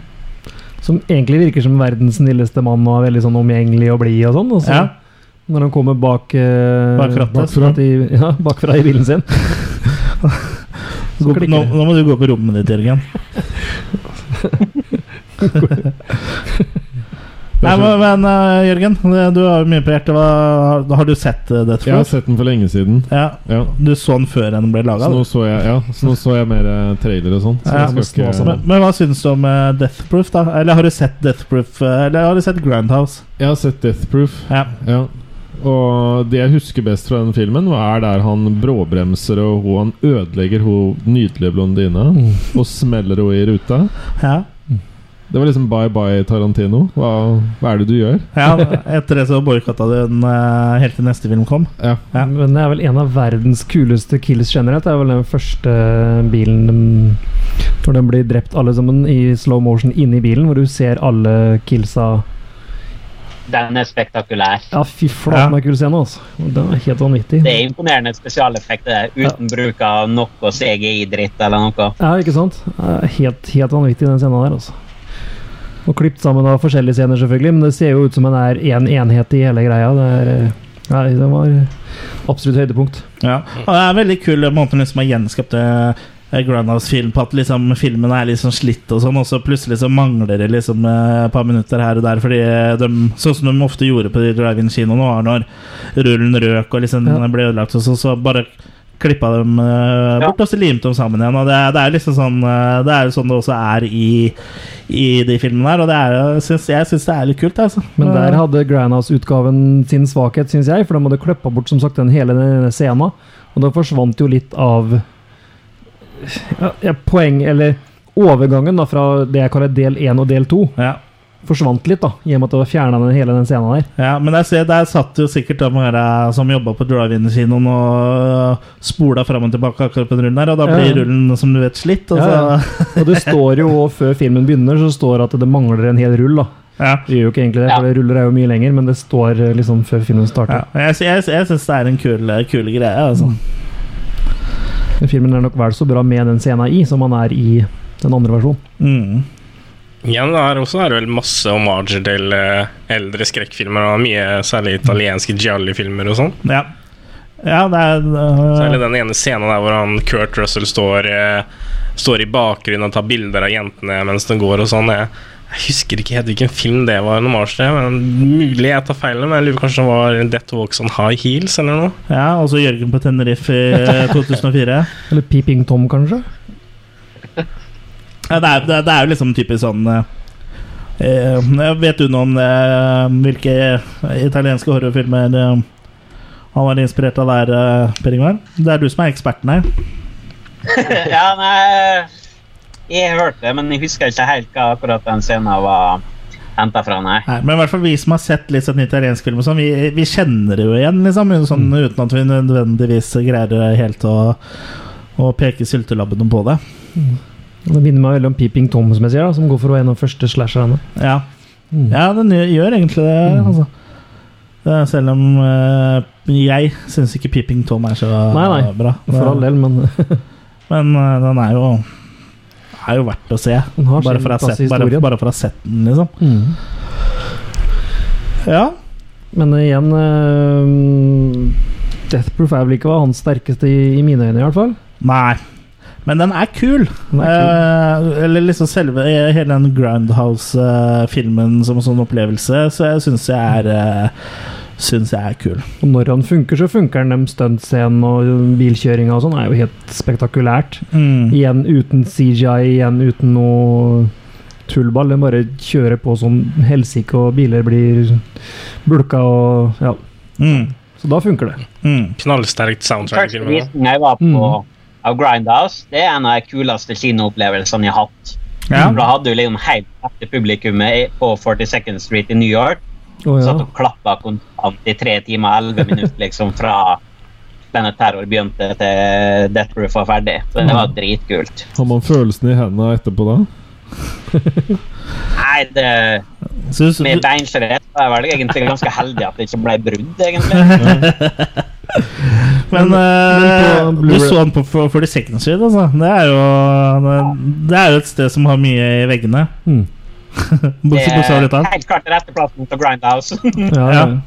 Du så, ikke, du så ikke Frank Henlotter der, eller? Han er, liker å stikke dit. Eller han gjorde det, i hvert fall. Nei, ikke- Han lå sikkert død utafor, tror du ikke det? Ja, ja. Du spilte død. ja, ja. Ja, for jeg kjenner at du liker jo å spille død når han drar til. Så når han er på ferie, eh, f.eks. si han er i Stockholm, da, for det så jeg han la ut bilde av, så legger han seg død foran en fontene, eller sånn, så står det 'Dead in Stockholm'. det er veldig, veldig morsom greie. Uh, per Ingvar, jeg lurte på det er en scene i Death Proof eh, når jentene sitter utafor baren og røyker joint, så kommer han uh, uh, stuntman Mike ut, og så får han et sånt skikkelig breknings-hosteanfall og noe sånn Virker litt rart. Jeg lurer på, Vet du noe særlig om den scenen her? Er det, er det fordi at han lukta den hasjen og prøvde å hoste det ut så pisseprøven hans kunne være ren når han gjennomgikk dette drapet med bilen, eller er det en annen grunn? Vet du om det? Han røyker bare Red Apple. Nei, det vet jeg faktisk ikke hva som er grunnen til akkurat den der. Ok. Det er antakeligvis referanse til en eller annen merkelig film som jeg ikke har sett, tipper jeg. ok. Det kan vel være prostataen? Ja, det kan det være. En annen ting også som jeg syns er veldig veldig kult med Death Proof, er jo at han faktisk eh, drapsvåpenet er jo en bil. Da. Ja, det har jo aldri blitt gjort før, liksom. Det er jo Eh, The Car. Eller, Ja, jo, det har blitt gjort men ikke på denne måten at han tar med dem inn og Trucks. Ja, det var det jeg skulle si. maximum overdrive. Ja. Ja. Ikke minst. Er det samme filmen, eller er det to forskjellige? Ja, den er to forskjellige. Trucks Men, men det er basert på samme Stephen King-historien? samme, ja. Like dårlige begge to? Ja. Nei. Tja. Trucks er dårligere, Ja. kanskje? Mer sjarm i Maximum Overdrive. Først øh, avbrøt vi deg. Nei, jeg var for så vidt ferdig. Jeg. Ja. Jeg bare, det er jo ikke så mange andre filmer vi har sett det i, at en kan ta med inn i passasjersetet og bråbremse så trynet Nei. Slenger ut i det. Nei. Mm. Det er ganske oppfinnsomt. så det er Noe unikt, da. Ja. Men er de Det eh, er kult at alt på gamlemåten At det liksom det er hun som spiller Zoe, som ligger frampå panseret når han kjører i Mm. 200 km i timen, liksom. Det er Ja, hun er veldig badass. kult at alt er gjort ekte, sånn sett. Mm. Men er det i den vanlige utgavene Er all den der eh, lyden av eh, publikum og sånn med der òg? For det var jo i den Grandhouse release-greia, så er det jo sånn Du hører publikum jubler og klapper, og det er en sånn helt sånn opplevelse i hele greia. Men jeg vet ikke om de, når de er eh, gitt ut separat, er det med der òg? Det tror jeg ikke. Jeg har bare sett Grindhouse-versjonen, men der er det jo for at det skal være en sånn Grindhouse-opplevelse, og når det liksom det blir Når Ola Nordmann eller øh, som drar og leier den filmen, liksom sitter og og Hvor det er klapping og latterspor og sånn, så Ja, ja, ja. tror jeg, da tror jeg han faller fort av. Og lyden er lagt sånn at det høres ut som det kommer fra en gammel sånn monohøyttaler på Mm. Jeg tror ikke det. Vet du noe om det, Per Ingvar, eller har du bare sett Grindhouse-utgaven? Jeg har sett begge versjonene, men det der er et alternativt lydspor på Grindhouse-pakka, tror jeg, fra Alamo Drafthouse i Austin, Texas. En visning de hadde der, så tok de opp publikum, så vi kan velge å høre Ja. publikum-lyd. da. Mm. Men stemmer det at Tarantino har sin egen kino? mm. ja. Ja! Kjøpt opp New Beverly Hollywood. Og dermed var halvparten av tida når vi var borte i USA nå. Det er kongekino, det. mm. Viser bare 35 meter og Ja, jeg viste Film. 6 millimeter, og sånn, ja, men det var alltid på film, ja. Mm. Der var jeg akkurat sånn som Grindhouse. Det var liksom, det mangla ruller, det mangla biter. Det var teipa i hop, det var oppripa. Men dæven for en sjarm det var på disse filmene der. ja, det, det vil jeg tro, altså. Så det var åtte dollar for en triple feature. Så det var liksom halve prisen av én film på en vanlig kino. mm. Altså bare hans Ja, egne er filmer, eller? Som Nei, var nei. Privatsjåfør for Orson Wells, så for å tok billetter og sånn. Oh. Han så fant han død. det var helt genial kino. For han kjø kjøpte favorittkinoen sin fra han vokste opp sjøl. Så kjøpte han Ja, det var liksom en av få eh, kinoene i LA som fremdeles viste på film. Og da jeg skulle til å gå over digitalt, så sa Tarantino bare nei, det blir ikke aktuelt. Mm. Kjøp en kinoen i, og så bare betaler jeg for å holde den gående sånn som det skal være. Mm. Eh, film skal vises. Men, men det var jo uh, Rodriguez som overtalte den til å begynne med film sjøl. Han gjorde jo ikke det i starten. Sånn som annet på Grindhouse, så er jo uh, Rodriguez sin del er jo manipulert på filmen, vel, mens i alle scratcha og alle disse her er manipulert på selve filmrullen. Mens i Tarantino sin del så er det digitalt lagt til. Så det Nei, var, motsatt. er det motsatt? Mm. Ja. Rodriguez Ja. er forkjemper av det digitale. Å ja. Tarantino har jo skutt på film hele veien. ja.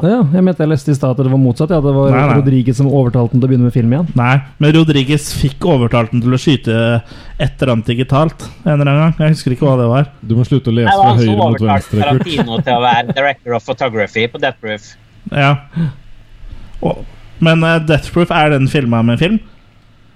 Ja, den er alt Tarantino er filma, film Ja. på film. Jeg, jeg- for jeg mener du husker at, han, at Rodriguez liksom fikk ham til å filme et eller annet digitalt en gang. Uh... Ja, den Sin City-scena. Ja, Ja. det er Sin City-biten. Ja, Den men det er jo bare én scene eller. Mm. Ja. Så da, så da jeg leste om det i stad at han hadde overtalt han til det der, og da ble han fan av det da. Nei, nei. Tarantino har alltid, alltid har skutt på film. Filmfrelst. Mm. Rodriguez derimot er uh, digitalfrelst. Mm. Og det trenger ikke nødvendigvis være noe negativt i det, altså, men uh, Rodriguez lager jo kule filmer han òg, innimellom. Spy Kids. Ja, ikke fra- så kule som Tarantino. Ikke så kule som Tarantino, det gjør han ikke. Og den kuleste uh, Rodriguez-filmen er uh, Eller ja, Det nest kuleste er jo uh, veldig Tarantino-esk, da. Det er jo veldig påvirka av Tarantino, den From Dust to Dawn. Ja, Men- men manus av Tarantino og Ja. Tarantino gjennom hovedrollene.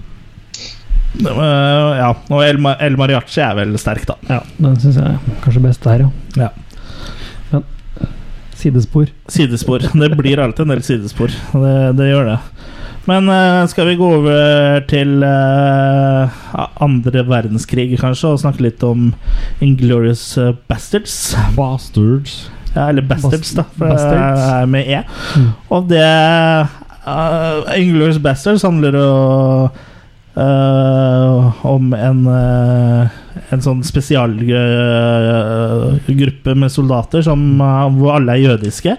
Nazi Hunters. Som er nazi-hunters, ja, som da liker å skalpere eh, Skalpere nazister.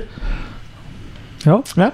Det, det er det. Et kortfatta plott. En, veldig kortfatta plott, Ja. men det, det er en eh, De fleste Tarantino-filmer, eh, bortsett fra Pulp Fiction, kan liksom oppsummeres veldig kort, og det er ofte tegn på en eh, veldig bra film òg, når du kan liksom forklare premisset eh, veldig kort, da. Mm. Men, men det er jo mer enn det, og det er Sånn i grove trekk så er, skal jo disse Inglorious Bastardsene sprenge en kino, da. mm. mens, mens tyskerne har visning av en film der. Og det har også innehaveren av kinoen eh, bestemt seg for. Ja. Så det er jo to, to eh, komplotter mot Hitler og folka hans. Ja, Og Hitler er jo også til stede. Ja. Og akkurat som med Jackie Brown, så syns jeg ikke Glorious Bastards var noe særlig bra første gang jeg sånn. Jeg liksom bare Nei, jeg syns ikke det var noe spesielt. Men uh, når jeg så den nå igjen for et par uker siden, så syns jeg at den var dritbra, og at det er en av favorittene mine. Så ting kan jo snu. Ja. Det er en film som gror på deg Ja.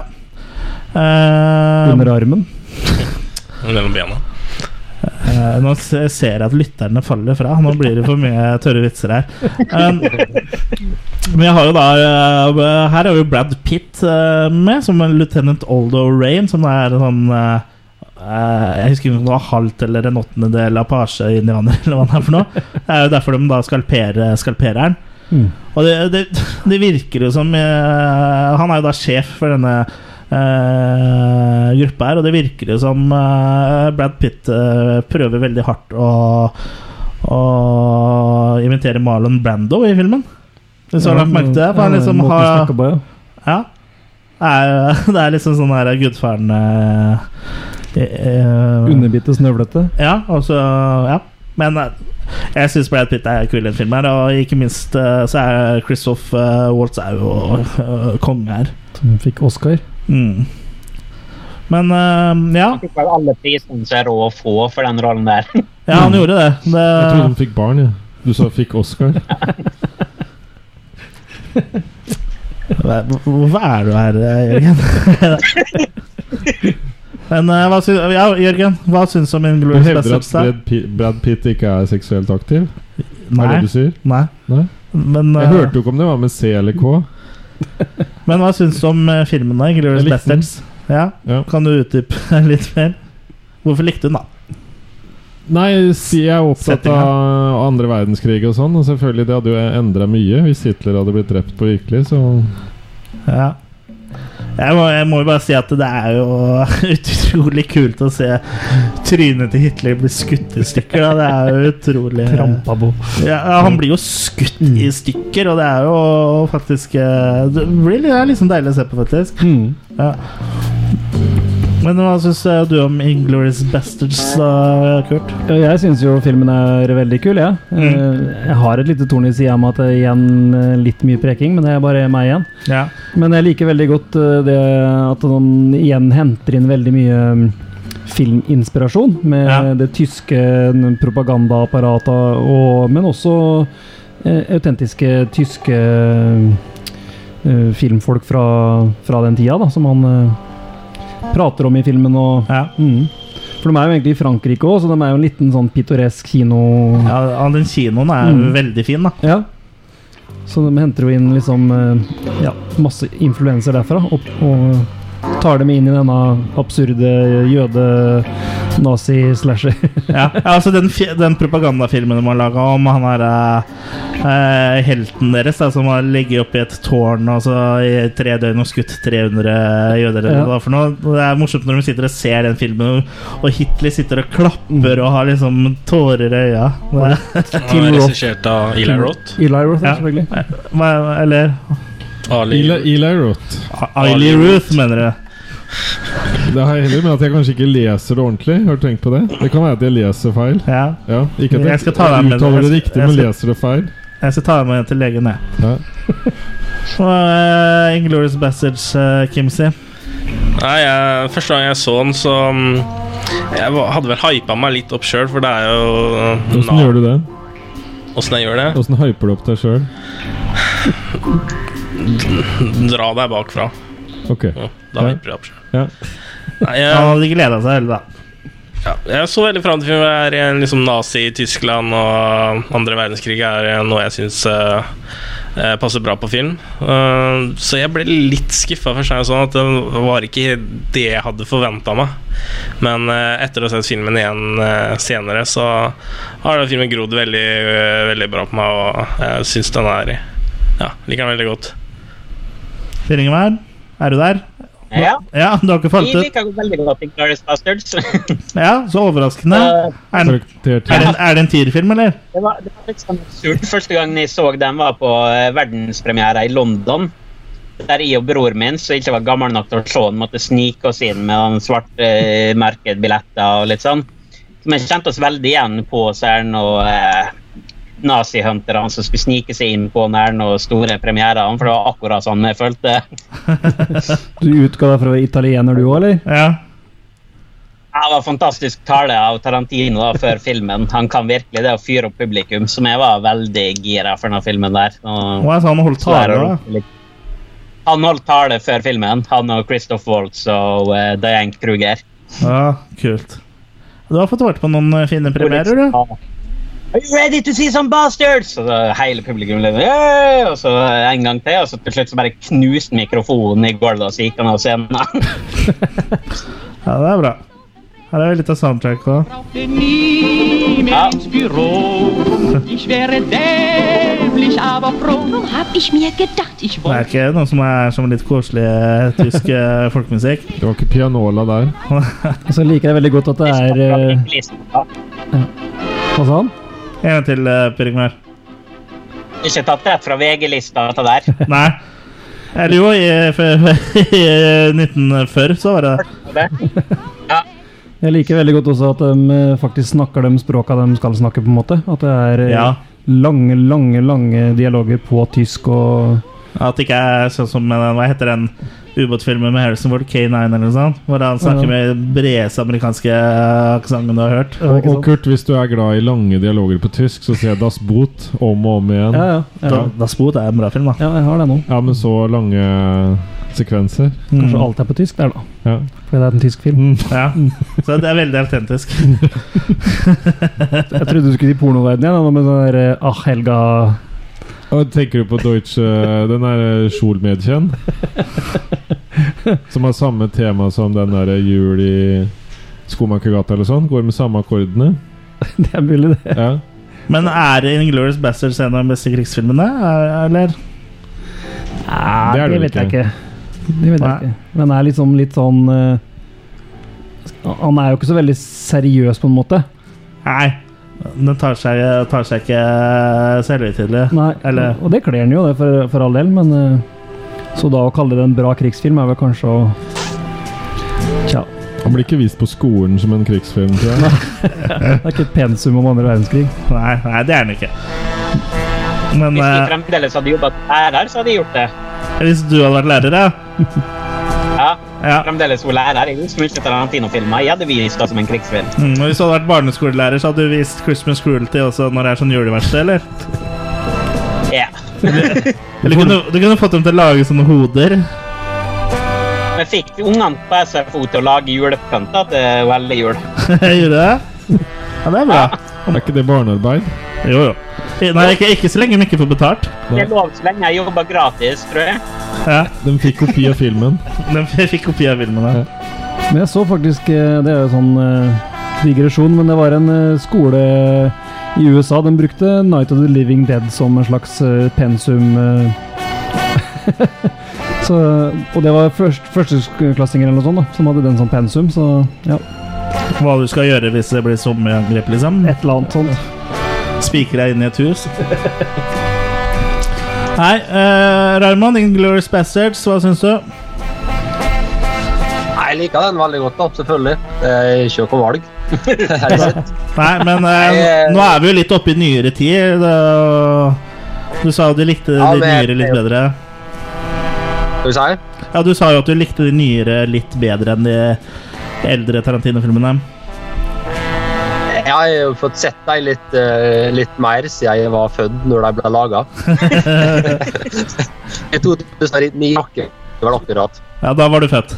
Nei, Jeg liker, jeg liker veldig godt den eh, eh, Når de er ute og leter etter så jødene i den hytta. Ja. Da sitter kameraet rundt og rundt den samtalen. Åpningsscenen.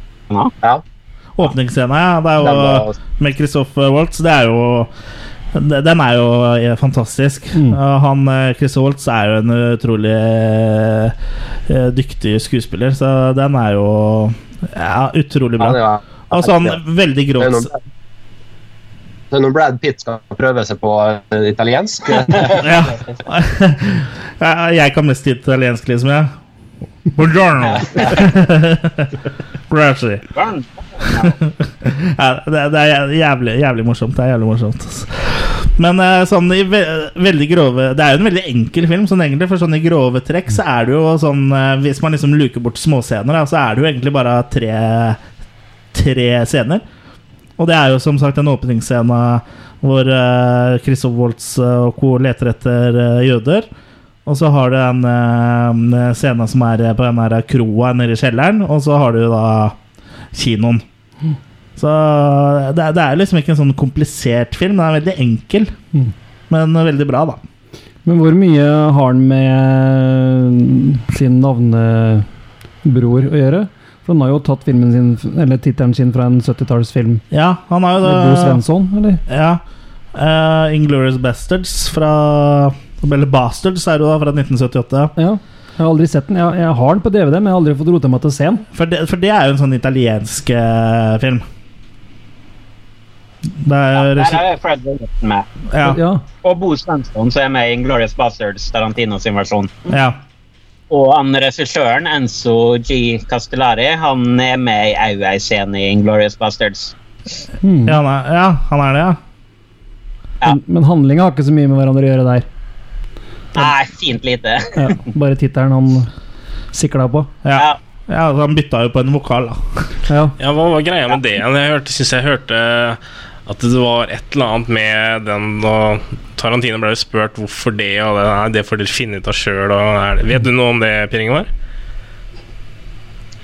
Jeg vil nesten tippe at Tarantino antagelig skrev den tittelen feil når han jobba på Video Archives i sin tid. På Ja. den Enzo G. Castellari-filmen. For Mm. Den var ikke noe voldsomt kløpper på rettskriving, så det er fullt mulig at når han da skrev tittelen på den filmen, at han skrev feil allerede da. Har en referanse tilbake til den tida der. Da skal jeg lage Ali Root-filmen. Ja. Biogra biografifilm om Ali Ruth. Så han har IQ på, IQ på 160, men klarer ikke å huske en filmtittel, nei. Ja, nei, altså, Han han har bra i skole, så det, med rettskriving og sånn var ikke det han var flinkest på. Du kan jo ha høy IQ selv om du ikke er god til å Eller rettskrivning, vet du. Mm. Men eh, ja eh, Det skulle jo vel kanskje egentlig nevnt sånn innledningsvis, men Quentin Tarantino er jo en sånn self-made man, sånn som vi i Attack of the Killer Cast liker. For hans uh, filmutdanning var jo ved å, å jobbe i en videosjappe. Mm. Du vet ikke navnet på den videosjappa, Per Ingvar? Archives. Ja, han sa det for sånn to minutter siden. Som han endte opp med å kjøpe vel den over? Han endte opp med å Det er kjøpe litt den, gjorde vanskelig han å ikke det? høre helt fra Valdres. Skjønner du hva han sier for noe? Nå sa jeg det med vilje. Valdres, ja. Vassnes? Nei, jeg husker ikke. Men han endte vel opp med å kjøpe den, gjorde han ikke det? Når den la ned, så kjøpte han opp eh, 8000 titler eller noe sånt nå fra den Ja, sjappa det òg. stemmer. Mm. Så han, Sjefen hans der, Lance Lawson, han er faktisk en jævlig grei kar. Vi har fått en del sånne kule video archives-ting med han. Oh, ja. Og du har det? Han blir nevnt i Hateful Eight, blant annet Lance Lawson. Ja, Og så skjøt han sheriffen i uh, Hateful Eight. Det prata om der. Mm. Hva, hva er det du holder på med nå, Jørgen? Å ja. Jørgen bare strekker seg litt. Det, Ok. ja, vi, kan- vi kan jo snakke, vi andre. Det vokser når det er seint på kvelden. Ja. Uh, det her er Attack of the Killer Cast, dere kjære lyttere. Du får ikke det her noe annet sted. Ta på deg buksene igjen, Jørgen. Men uh, ja. Er, uh, jeg ble litt satt ut, jeg, da. Uh, Inglorious Bastards. Det er nok, uh, nok en Tarantino-film som holder, eh, holder eh, høyt eh, mål. Det er vel ikke noe annet å si det enn at vi, vi, vi liker den også. Mm. Så jeg, jeg vet ikke om vi bare skal snakke litt om eh, favorittfilmen til uh, Til Raymond. Ja. Django Unchained. Ikke Frozen? Det kan vi ta en annen podkast. OK, OK. ok. Så det er Django. Ja. Eh, Jeg vil tro det er favoritten min. Den ligger høyt opp, eh, Hateful Late, men eh, det er noe med Django som virkelig, virkelig fungerer. Mm. Og her, her har jo også Tarantino tatt uh, en tittel fra en uh, gammel uh, italiensk spagettireser, eller flere. Det er- ja. Det er 40 av dem. Det er jo 40 Django-filmer. Men, men forskjellen her er at Django er ikke en hvit cowboy, men er en slave. Mm. spilt av Jamie Fox. Uh, som da blir kjøpt av Av Christoph Waltz. Eller, jeg liker Christoph Waltz, men eh, karakteren han spiller. Han blir kjøpt av en nazi, ja. Eh, og så tar han hevn. Ja, det er jo en revenge-movie, det her. Det er en eh, hevnefilm, det her òg. Og det var jo også disse Django-filmene. Nå har ikke jeg sett så mange av dem. Jeg har sett en med Terence Hill, i hvert fall. Ja, Terence Hill er konge, vet. Ja, og hvor han har den derre um, Coffin-scena, som er jo legendarisk. Men, Ja. ja. Uh, så ja. Revenge-movie. Ja. Raymond, hvorfor liker du Django Unchained så godt, da? Nei, Det er noe jeg ikke liker med den. Den, har jo virkelig alt. Ja. Både på dialog og vold og humor og alt. Det funka så steike bra på alle måter. og Mm. Fikk heldigvis muligheten til å få den på 35 mm på kino hos Tarantino, og det var jo spektakulært å sitte der og få se den Mm. på ekte film. Ja det, det, det vil jeg tro. Det var hvordan oss. Vi fikk eh, vi T-skjorte Ja. fra New, Be New Beverly, som Tarantino er godkjent. Ja, kult. Ja, Per Ingmar, det er vel en film du Du syns, uh, syns vel den er helt ålreit, du òg? Django Unchained har jeg faktisk ikke sett. Jo da, jeg elsker, jeg elsker den filmen, ja. Ja. Men uh, hva, hva er det du syns uh, som gjør Django uh, så bra?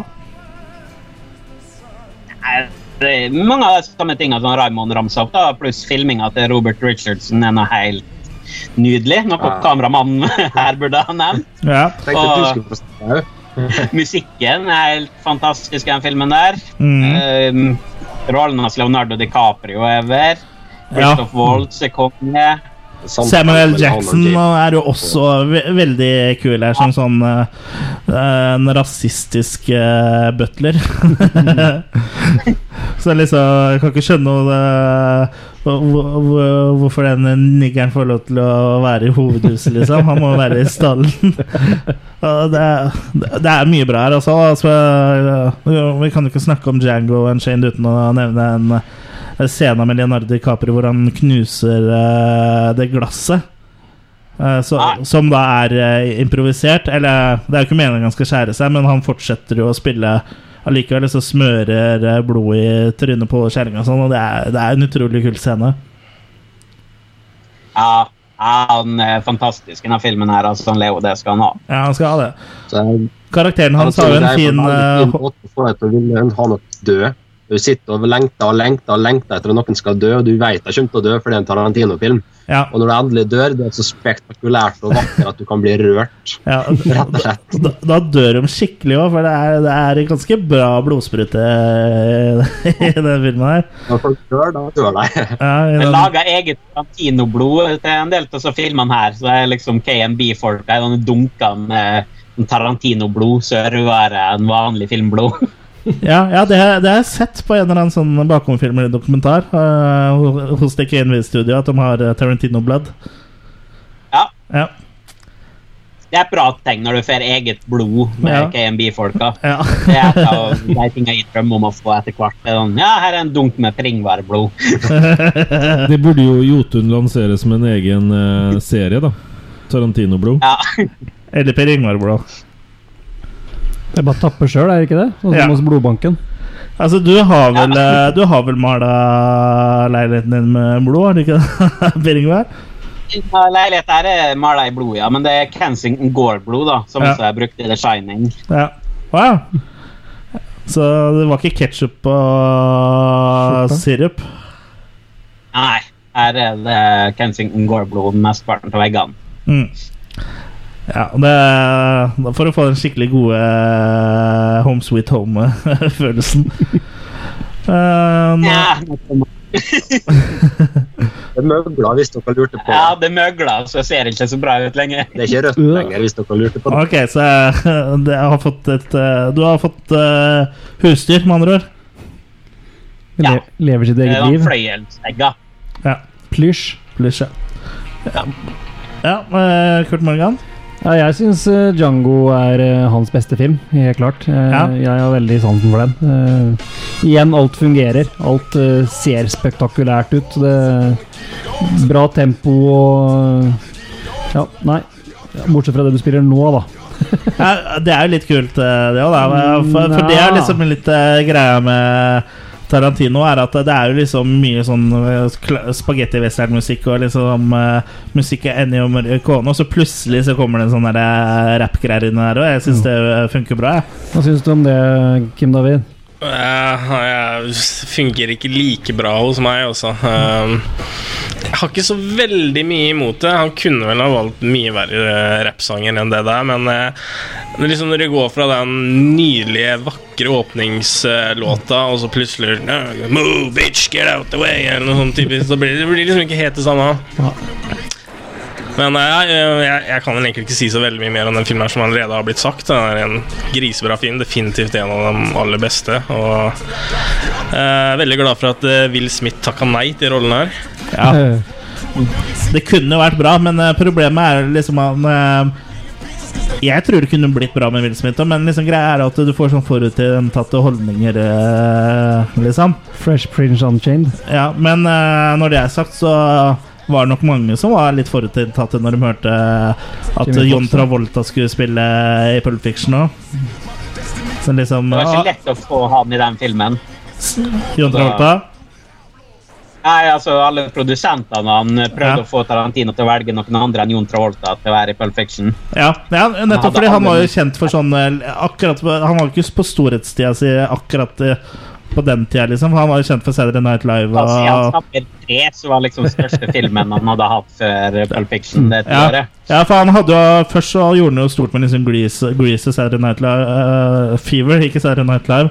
Uh, og så gikk det litt nedover med sånn her Jeg ser hvem som snakker 8000 filmer av det, liksom. Så, men uh, Tarantino visste jo hva han holdt på med, liksom.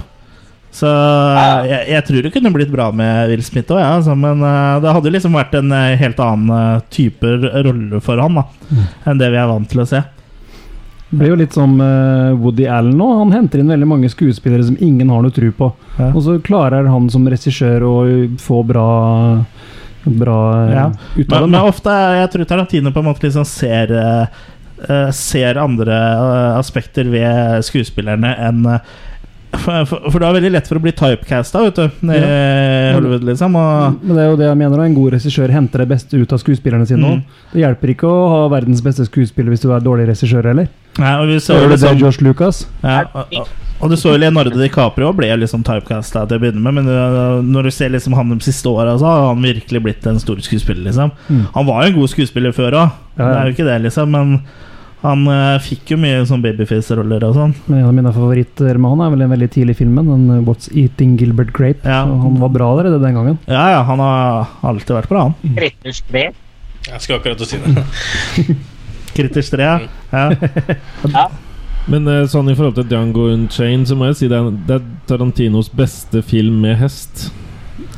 Ok, så da vet vi at uh, du syns den er bedre enn uh, neste film vi skal snakke om, så da spoila du podkasten vår. Nei, nei. Ja. Nei, det er en veldig bra film. Jeg, jeg liker den. Ja, uh, vi, det er en uh, Den er veldig bra. det, det, det er ikke noe mer å, å si om det. Setter en knapp på den. Ja. Ja, men jeg ble liksom fast i den allerede når det var han eh, første skuespilleren som du hører som snakker med Jamie Fox.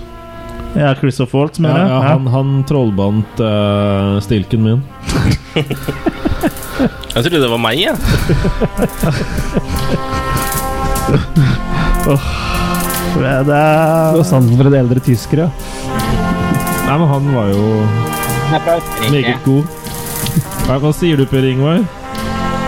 Han er fra Østerrike, han er ikke tysker. Ja, Samme som- samme som som, som er så vanlig for deg. Samme som Hitler. Det var alltid fra Østerrike. ja. De skylder på det. Men han fikk Oscar her òg. Waltz fikk Oscar for den rolla der òg, gjorde han ikke det? Jo, jeg tror det. Ja. Waltz er jo en uh, utrolig god, skuesp god skuespiller. Tarantino har vel hatt det syv eller eh, skuespillere som har fått vunnet for beste hovedrolle, eller mannlig eller kvinnelig, da. Birolle, ja. Ja. Men uh, skal vi gå over uh, fra Django Unchained eh, til å snakke om uh, Tarantinos nyeste, The Hit Eight. Mm. Den likte ikke du, Per Ingvar? Jo, jeg likte faktisk den. Så det er min favoritt eh, Tarantino med hestfilm, da. ja. Du liker den bedre enn Var det fordi det var sånn slow motion med hest her, Per Ingvar?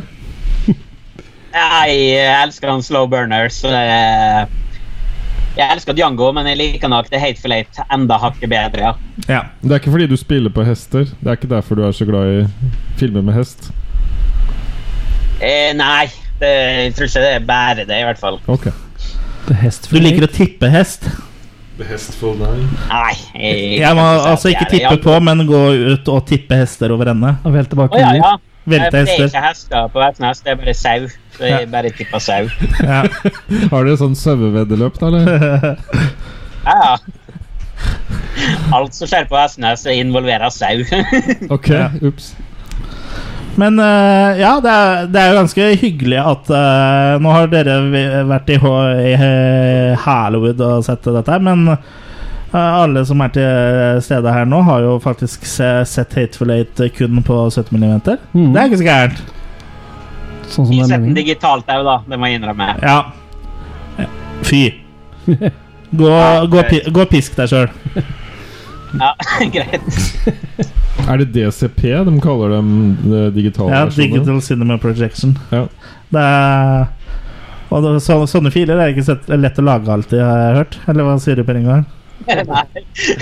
Det kan være problematisk. Ja. Jeg har hørt det er mange som har problemer med det, i hvert fall som ikke er Ja, som ikke har masse money.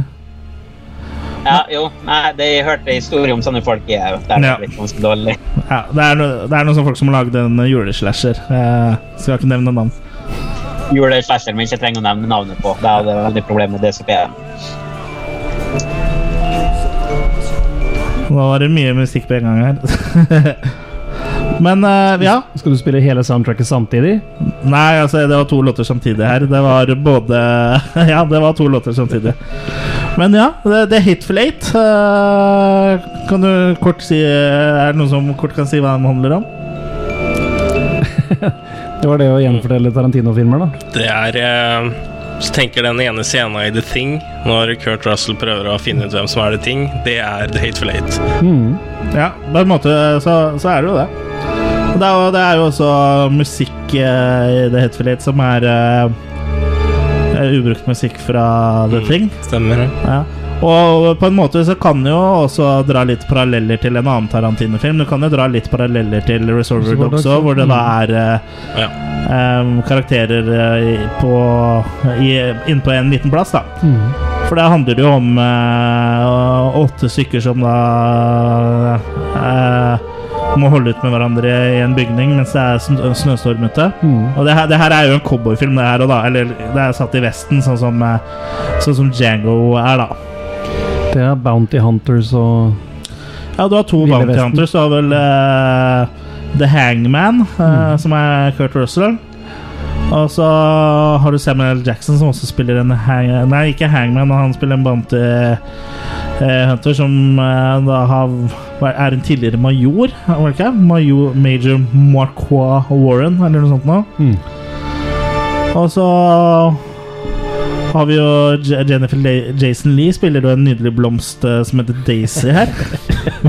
som da er eh, en, en som Kurt Russell skal eh, inntil hva, er- Husker du hva en landsbyen heter, uh, Per Ingvar? Hæ? Den landsbyen som uh, som, som uh, karakteren til Kurt Russell skal ha med og Daisy inn til. For han skal jo Han skal heve bountyen, da. Husker du hva den byen het? Red Rock. Red Rock var det. Red Rock. Vi skal til seters. Ja. Ja. Ja og Tim Roth eh, er med her, og Michael Madsen og, og også Zoe Bell, som vi ikke har med nevnt tidligere, som også er med i mye Tarantino. Hva sa du, Per? Ingvar? Timot er helt fantastisk, i filmen her. Den låta? Tim Roth. Ja, Tim Roth, ja. Tim ja. Roth. Ja, han er, han er ja. liksom sånn, sånn britisk sånn eh, gentleman-type. Oswaldo Mowbray, eller noe sånt noe. Eh, men eh, ja eh,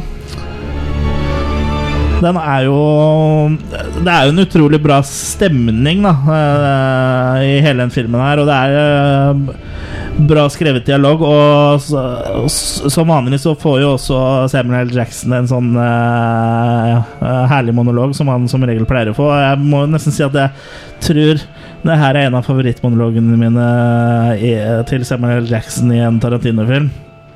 Og det er når han uh, snakker om uh, sønnen til han uh, han eh, gen, generalen som er her, General Sandy Smithers, hvor han forteller om eh, at han eh, fikk sønnen hans til å suge kukken hans, og han satt der på kne med svære niggerpikken inn i munnen. Det, det, jeg tror det var favorittscena mi.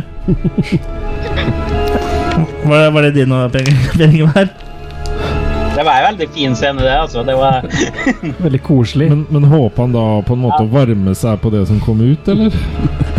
Ja, det kan handle om at han ble trua med skytevåpen her, Jørgen. Ok. Jeg, tror, jeg, tror han, eh, jeg tror ikke han gjorde det for kosen.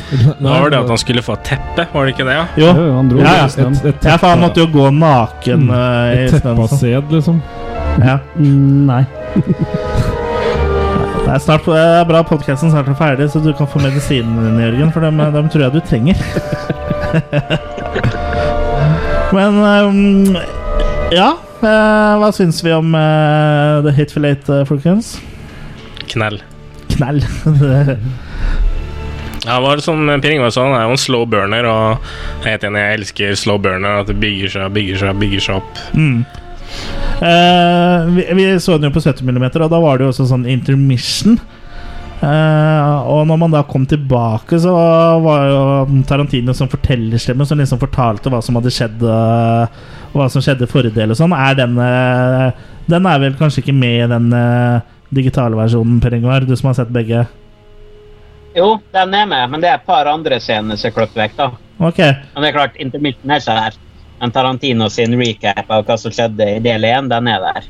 Ok, Jeg tenkte kanskje at det var sånn typisk ting som ikke var med. skjønner du Hvilke Ja, scener er det som uh, er tatt ut i digitale versjoner?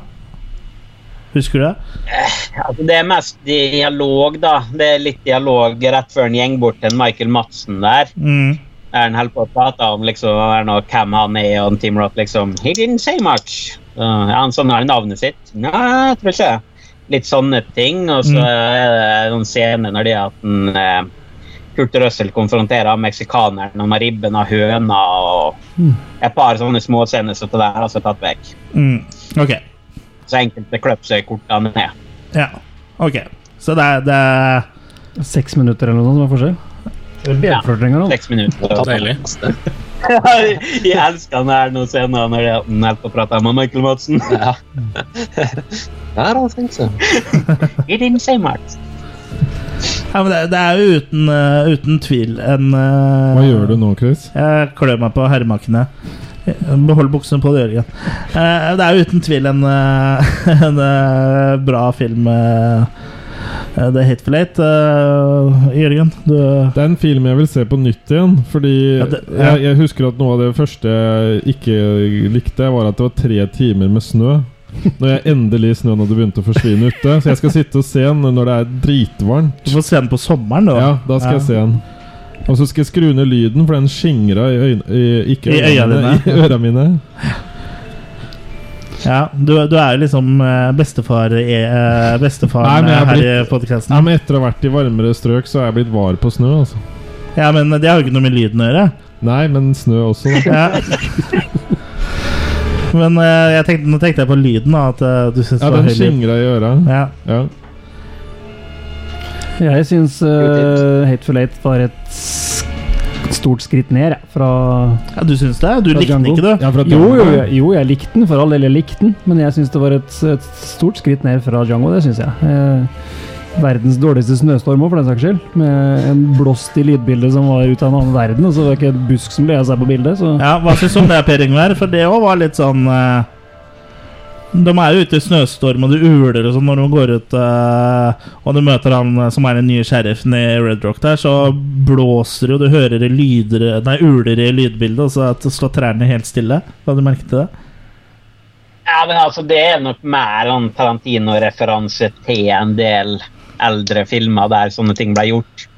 Og den her denne bakprojeksjonsgreia utafor stallen, Ja. den viser film liksom, og snøstormene det er sånn, Prøver Snøstormreferanse. ikke nødvendigvis gjøre ting realistisk. Det er ofte referanse til feil i gamle filmer. Ok, så du, du tror det er en hyllest til uh, Eller sånn spagettiwesterns hvor eh, Ja, hvor sånne Altså, feil forekom? det er klart, Skal du ha vindmaskiner til å blåse hele den skogen der, så det er teknisk sett ikke mulig. Eller mindre stormlyd. Før i tida så gjorde jeg bare med lyd. Nå gjør jeg det digitalt. eh, Legger på CGI, og det gjør ikke Tarantino. Nei. Men det er fortsatt en bra film, det er helt klart. Og eh, etter intermission, den siste halvdelen der, var jo helt fantastisk. Den bare tok det jo helt av. Ja, den bruker type ty, ty. Den bruker tid på å bygge seg opp, det gjør den absolutt. Men jeg, jeg syns det er en veldig god film. Men eh, jeg tror ikke det er uh, favoritten min. Men jeg anbefaler alle å se den, altså. Mm. Uh, nå er det kanskje ikke mulig å se den på 70 mm lenger. Jeg vet ikke om uh, Cinemateket fortsatt har noen visninger. Og det har jeg vel en liten greie med, at det er kjempekult at han har filma i 70 mm, og ser jo fantastisk ut i alle disse utescenene. Mm. Men litt rart kanskje å bruke det i en film som varer så mye inne, innendørs. Ja, ja, men du har jo de slow motion-hestene i starten, da. Jo, jo, for all del. Ute, ute, ute så fungerer det jo kjempebra. Ja. Men Det er det- fin reklame for hest. Ja, jeg syns det var litt kult inni, for du, du har jo mye bredere er bilder, så du fikk ikke Ja, Det er så mye detaljer i rekvisitter og kostymer og alt mulig, så det er er å mye for du fikk jo hente komponert, Du fikk ikke komponert Bildet ble liksom eh, på en, komponert på en helt annen måte, så jeg, jeg syns det funka ennå. Men du har et poeng, liksom. Det blir sånn som Spartacus og, mm. og, og de filmene der. Men uh, det er jo artig å ha sett en uh, film på uh, 70 mm, og det er jo den første filmen som liksom har blitt vist eh, på 70 mm som premiere og en ny film på 50 år. Ja, ja, Det er klart ja, eh, det er jo klart at Spartacus og alle de eh, tinga der har jo blitt uh, vist igjen, liksom. Men eh, Interstellar også så jo på 70 mm på Cinemateket, men den er vel ikke filma med det egne der, det scope, scope-greiene, ja. Mm. Jeg husker ikke hva det scopet het. Panavision, Panavision Ultrascope, var det Ja. Panavision Ultra. Var det det, Per Ingvar, du som er eksperten? Panavision Ultra er det helt for filmer i. Mm. Ja. ja da, da greide vi å ha rett på én ting da, i den podkasten her, i hvert fall. Men sånn, prøve å oppsummere litt, da kan vi jo ta uh, gjestene først. Hva er din favoritt-Tarantino-film, eh, Raymond? Det vet vi kanskje svaret på, men du kan jo Det er vel fremdeles, fremdeles Django, den. Ja. Og litt om hvorfor. Eh, nei, den, den funka på alle plan. og klart Du kan ha liksom en actionscene, og så plutselig drar du inn en Jonah Hill som sitter og styrer, og det, det bare funka der. Og Tarantino tar jo verdens kuleste sjølmord ut mot slutten på filmen der, og det er jo ja. det er som du kan kose deg hele tida gjennom hele filmen, og det er alt funka, rett og slett. ja. Og Per Ingvar, hvis du skal velge én eh, Tarantino-film som du må, ha med deg på en øde øy Ja, altså hvis du, bare kan, hvis du skal velge én favoritt da, blant av disse åtte filmene Men vi kan ta med Tarantino-boksen min med alle filmene i. på den øya. Ja, du kan det, men hvis du skal velge en film da som eh, eh, Du må ha med på Nei, det blir nok Dogs, altså. Det, den har jeg sett opptil åtte ganger om dagen. og den, den kan jeg se ofte, det vet jeg. Hvilken sa du? Du datt litt ut. Reservoir. Reservoir Dogs, ja. ja. Den har jeg sett opptil åtte ganger på en dag, så den vet jeg kan se ganske mye. Så den, den hadde jeg nok tatt med meg på Øydøy. Åtte ganger på en dag. Men blir man ikke litt sånn ukritisk når man har sittet og sett den åtte ganger etter hverandre, på en måte? Jeg var ganske høy på Paralgin forte, da, men det var fantastisk, det. Men så du da nye scener og sånn etter hvert, da, eller? Så etter hvert som paralgin virka? Ja, det gjorde jeg òg. Det var liksom, Vi lå på sykehus, så var den der nå. Skal jeg ringe på og få deg til å komme og bytte film, eller? Nei, spole tilbake og se Resort Dogs på nytt. Så så jeg bare den åtte ganger på Du var på sykehus, med andre ord? Ja. Jeg fikk han i gave med bestemor mi. Lå på sykehus en sommer, så da, da ble jeg sett Reservoir Dogs ganske ofte. Hvor slitt ble den øvelsen der? Han var faktisk utslitt etter den sommeren, så da måtte jeg kjøpe meg en ny en. ja, det vil jeg tro.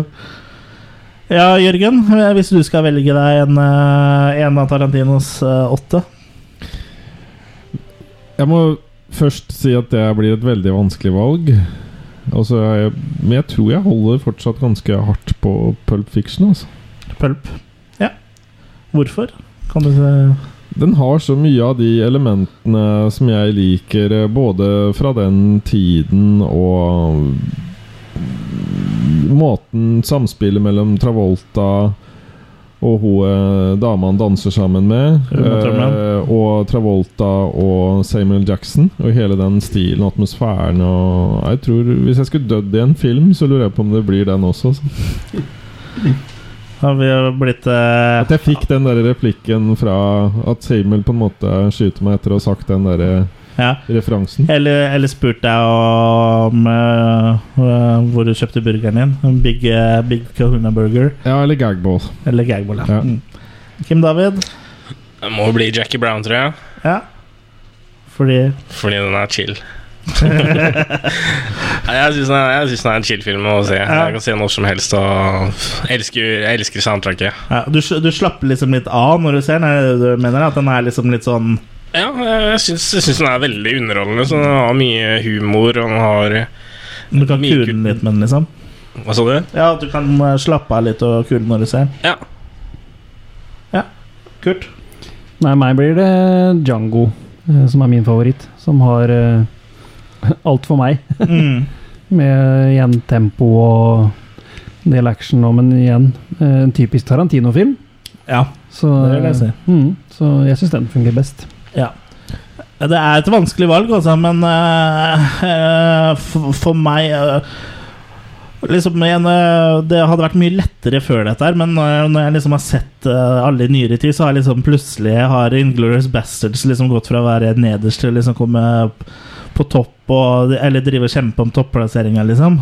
Så det er, og Jackie Brown nå er også høyt oppe, men jeg tror også at jeg havner på Django Unchained, også fordi det er så mye Det er så mye kult der, liksom. Det er eh, Christoph Waltz gjør jo en utrolig bra eh, rollefigur her. Samuel Jackson gjør det. eh, som han rasistiske butleren. Og så Leonardo DiCaprio. Og det er liksom den Den er helstøpt, rett og slett. Så jeg tror at eh, at Django er eh, også min eh, nummer én, i hvert fall akkurat nå. Mm. Det kan hende det liksom forandrer seg litt etter hvert, men Pulp Fiction og sånn og å jokke rett oppunder, da. Og nå har vi jo klart å gå gjennom Vi så jo gjennom de fleste filmene på nytt nå, bortsett fra Django. da Og selv med ny, nye øyne på alle de andre, så syns jeg Django holder seg best. Ja. Ja. Men uh, det var vel egentlig det vi Det vi hadde å si om Tarantino, er det ikke det? Jo. Eh, har du noe mer på hjertet, Per Ingvar eller Raymond? Jeg tror vi går tom for strøm før han Per ja, jeg tror ikke jeg skal begynne. Jeg kan bare si at jeg elsker Tarantino. Ja. Det oppsummerer egentlig min ordning. Ja. Det er jo egentlig veldig, veldig greit eh, oppsummert, det. Så får dere ha takk for at dere var med, gutter. Jo, takk for oss. Bare hyggelig. Ja, og så eh, Frem til neste episode så er det bare å følge oss på internett og på Facebook. Er ikke det Facebook er jo på internett. Ja, men på, på du, du har rett igjen. eh, Den tar jeg på min kappe. Men du kan, eh, det jeg tenker mente, er våre internettsider. Ja, Våre egne eh, sider på verdensveven. ok. Eh, som da er uh, www.attackofthekillercast.com. Med K. Med K, ja. Eh, det, om køm, ikke kom. nei, altså ikke cast, da. Ja. Og vi kan jo nevne at uh, nå er det mulig å se Lars-Erik Lie sin Dead Bait på YouTube. Eller i hvert fall sånn eh, enn så lenge. Den har jo vi vært og Vi har vært på. spent på den rumpa lenge. Ja, Den har vi vært med på å koprodusere, dere. Vi har spytta inn hele 200 kroner. Ja, Du har sto som koprodusent der, Per Ingvar. Ja, Vi spytta sikkert inn enda mer, kanskje. Hvor mye spytta du inn, da? Nei, husker jeg ikke, men kanskje 500. 200 hørtes veldig lite ut, da. Ja, Det var ikke noe mer vi ga. Nei, jeg tror ikke det. Men vi, vi tror navnet vårt er over, over, dit. Vi ga tienden. Ja. Det er 10% av budsjettet hans, omtrent, så det er ikke så ille, det. da. Nei, det er ikke det. Eh, så sjekk ut den for dem som vil se litt ekte norsk eh, amatørfilm.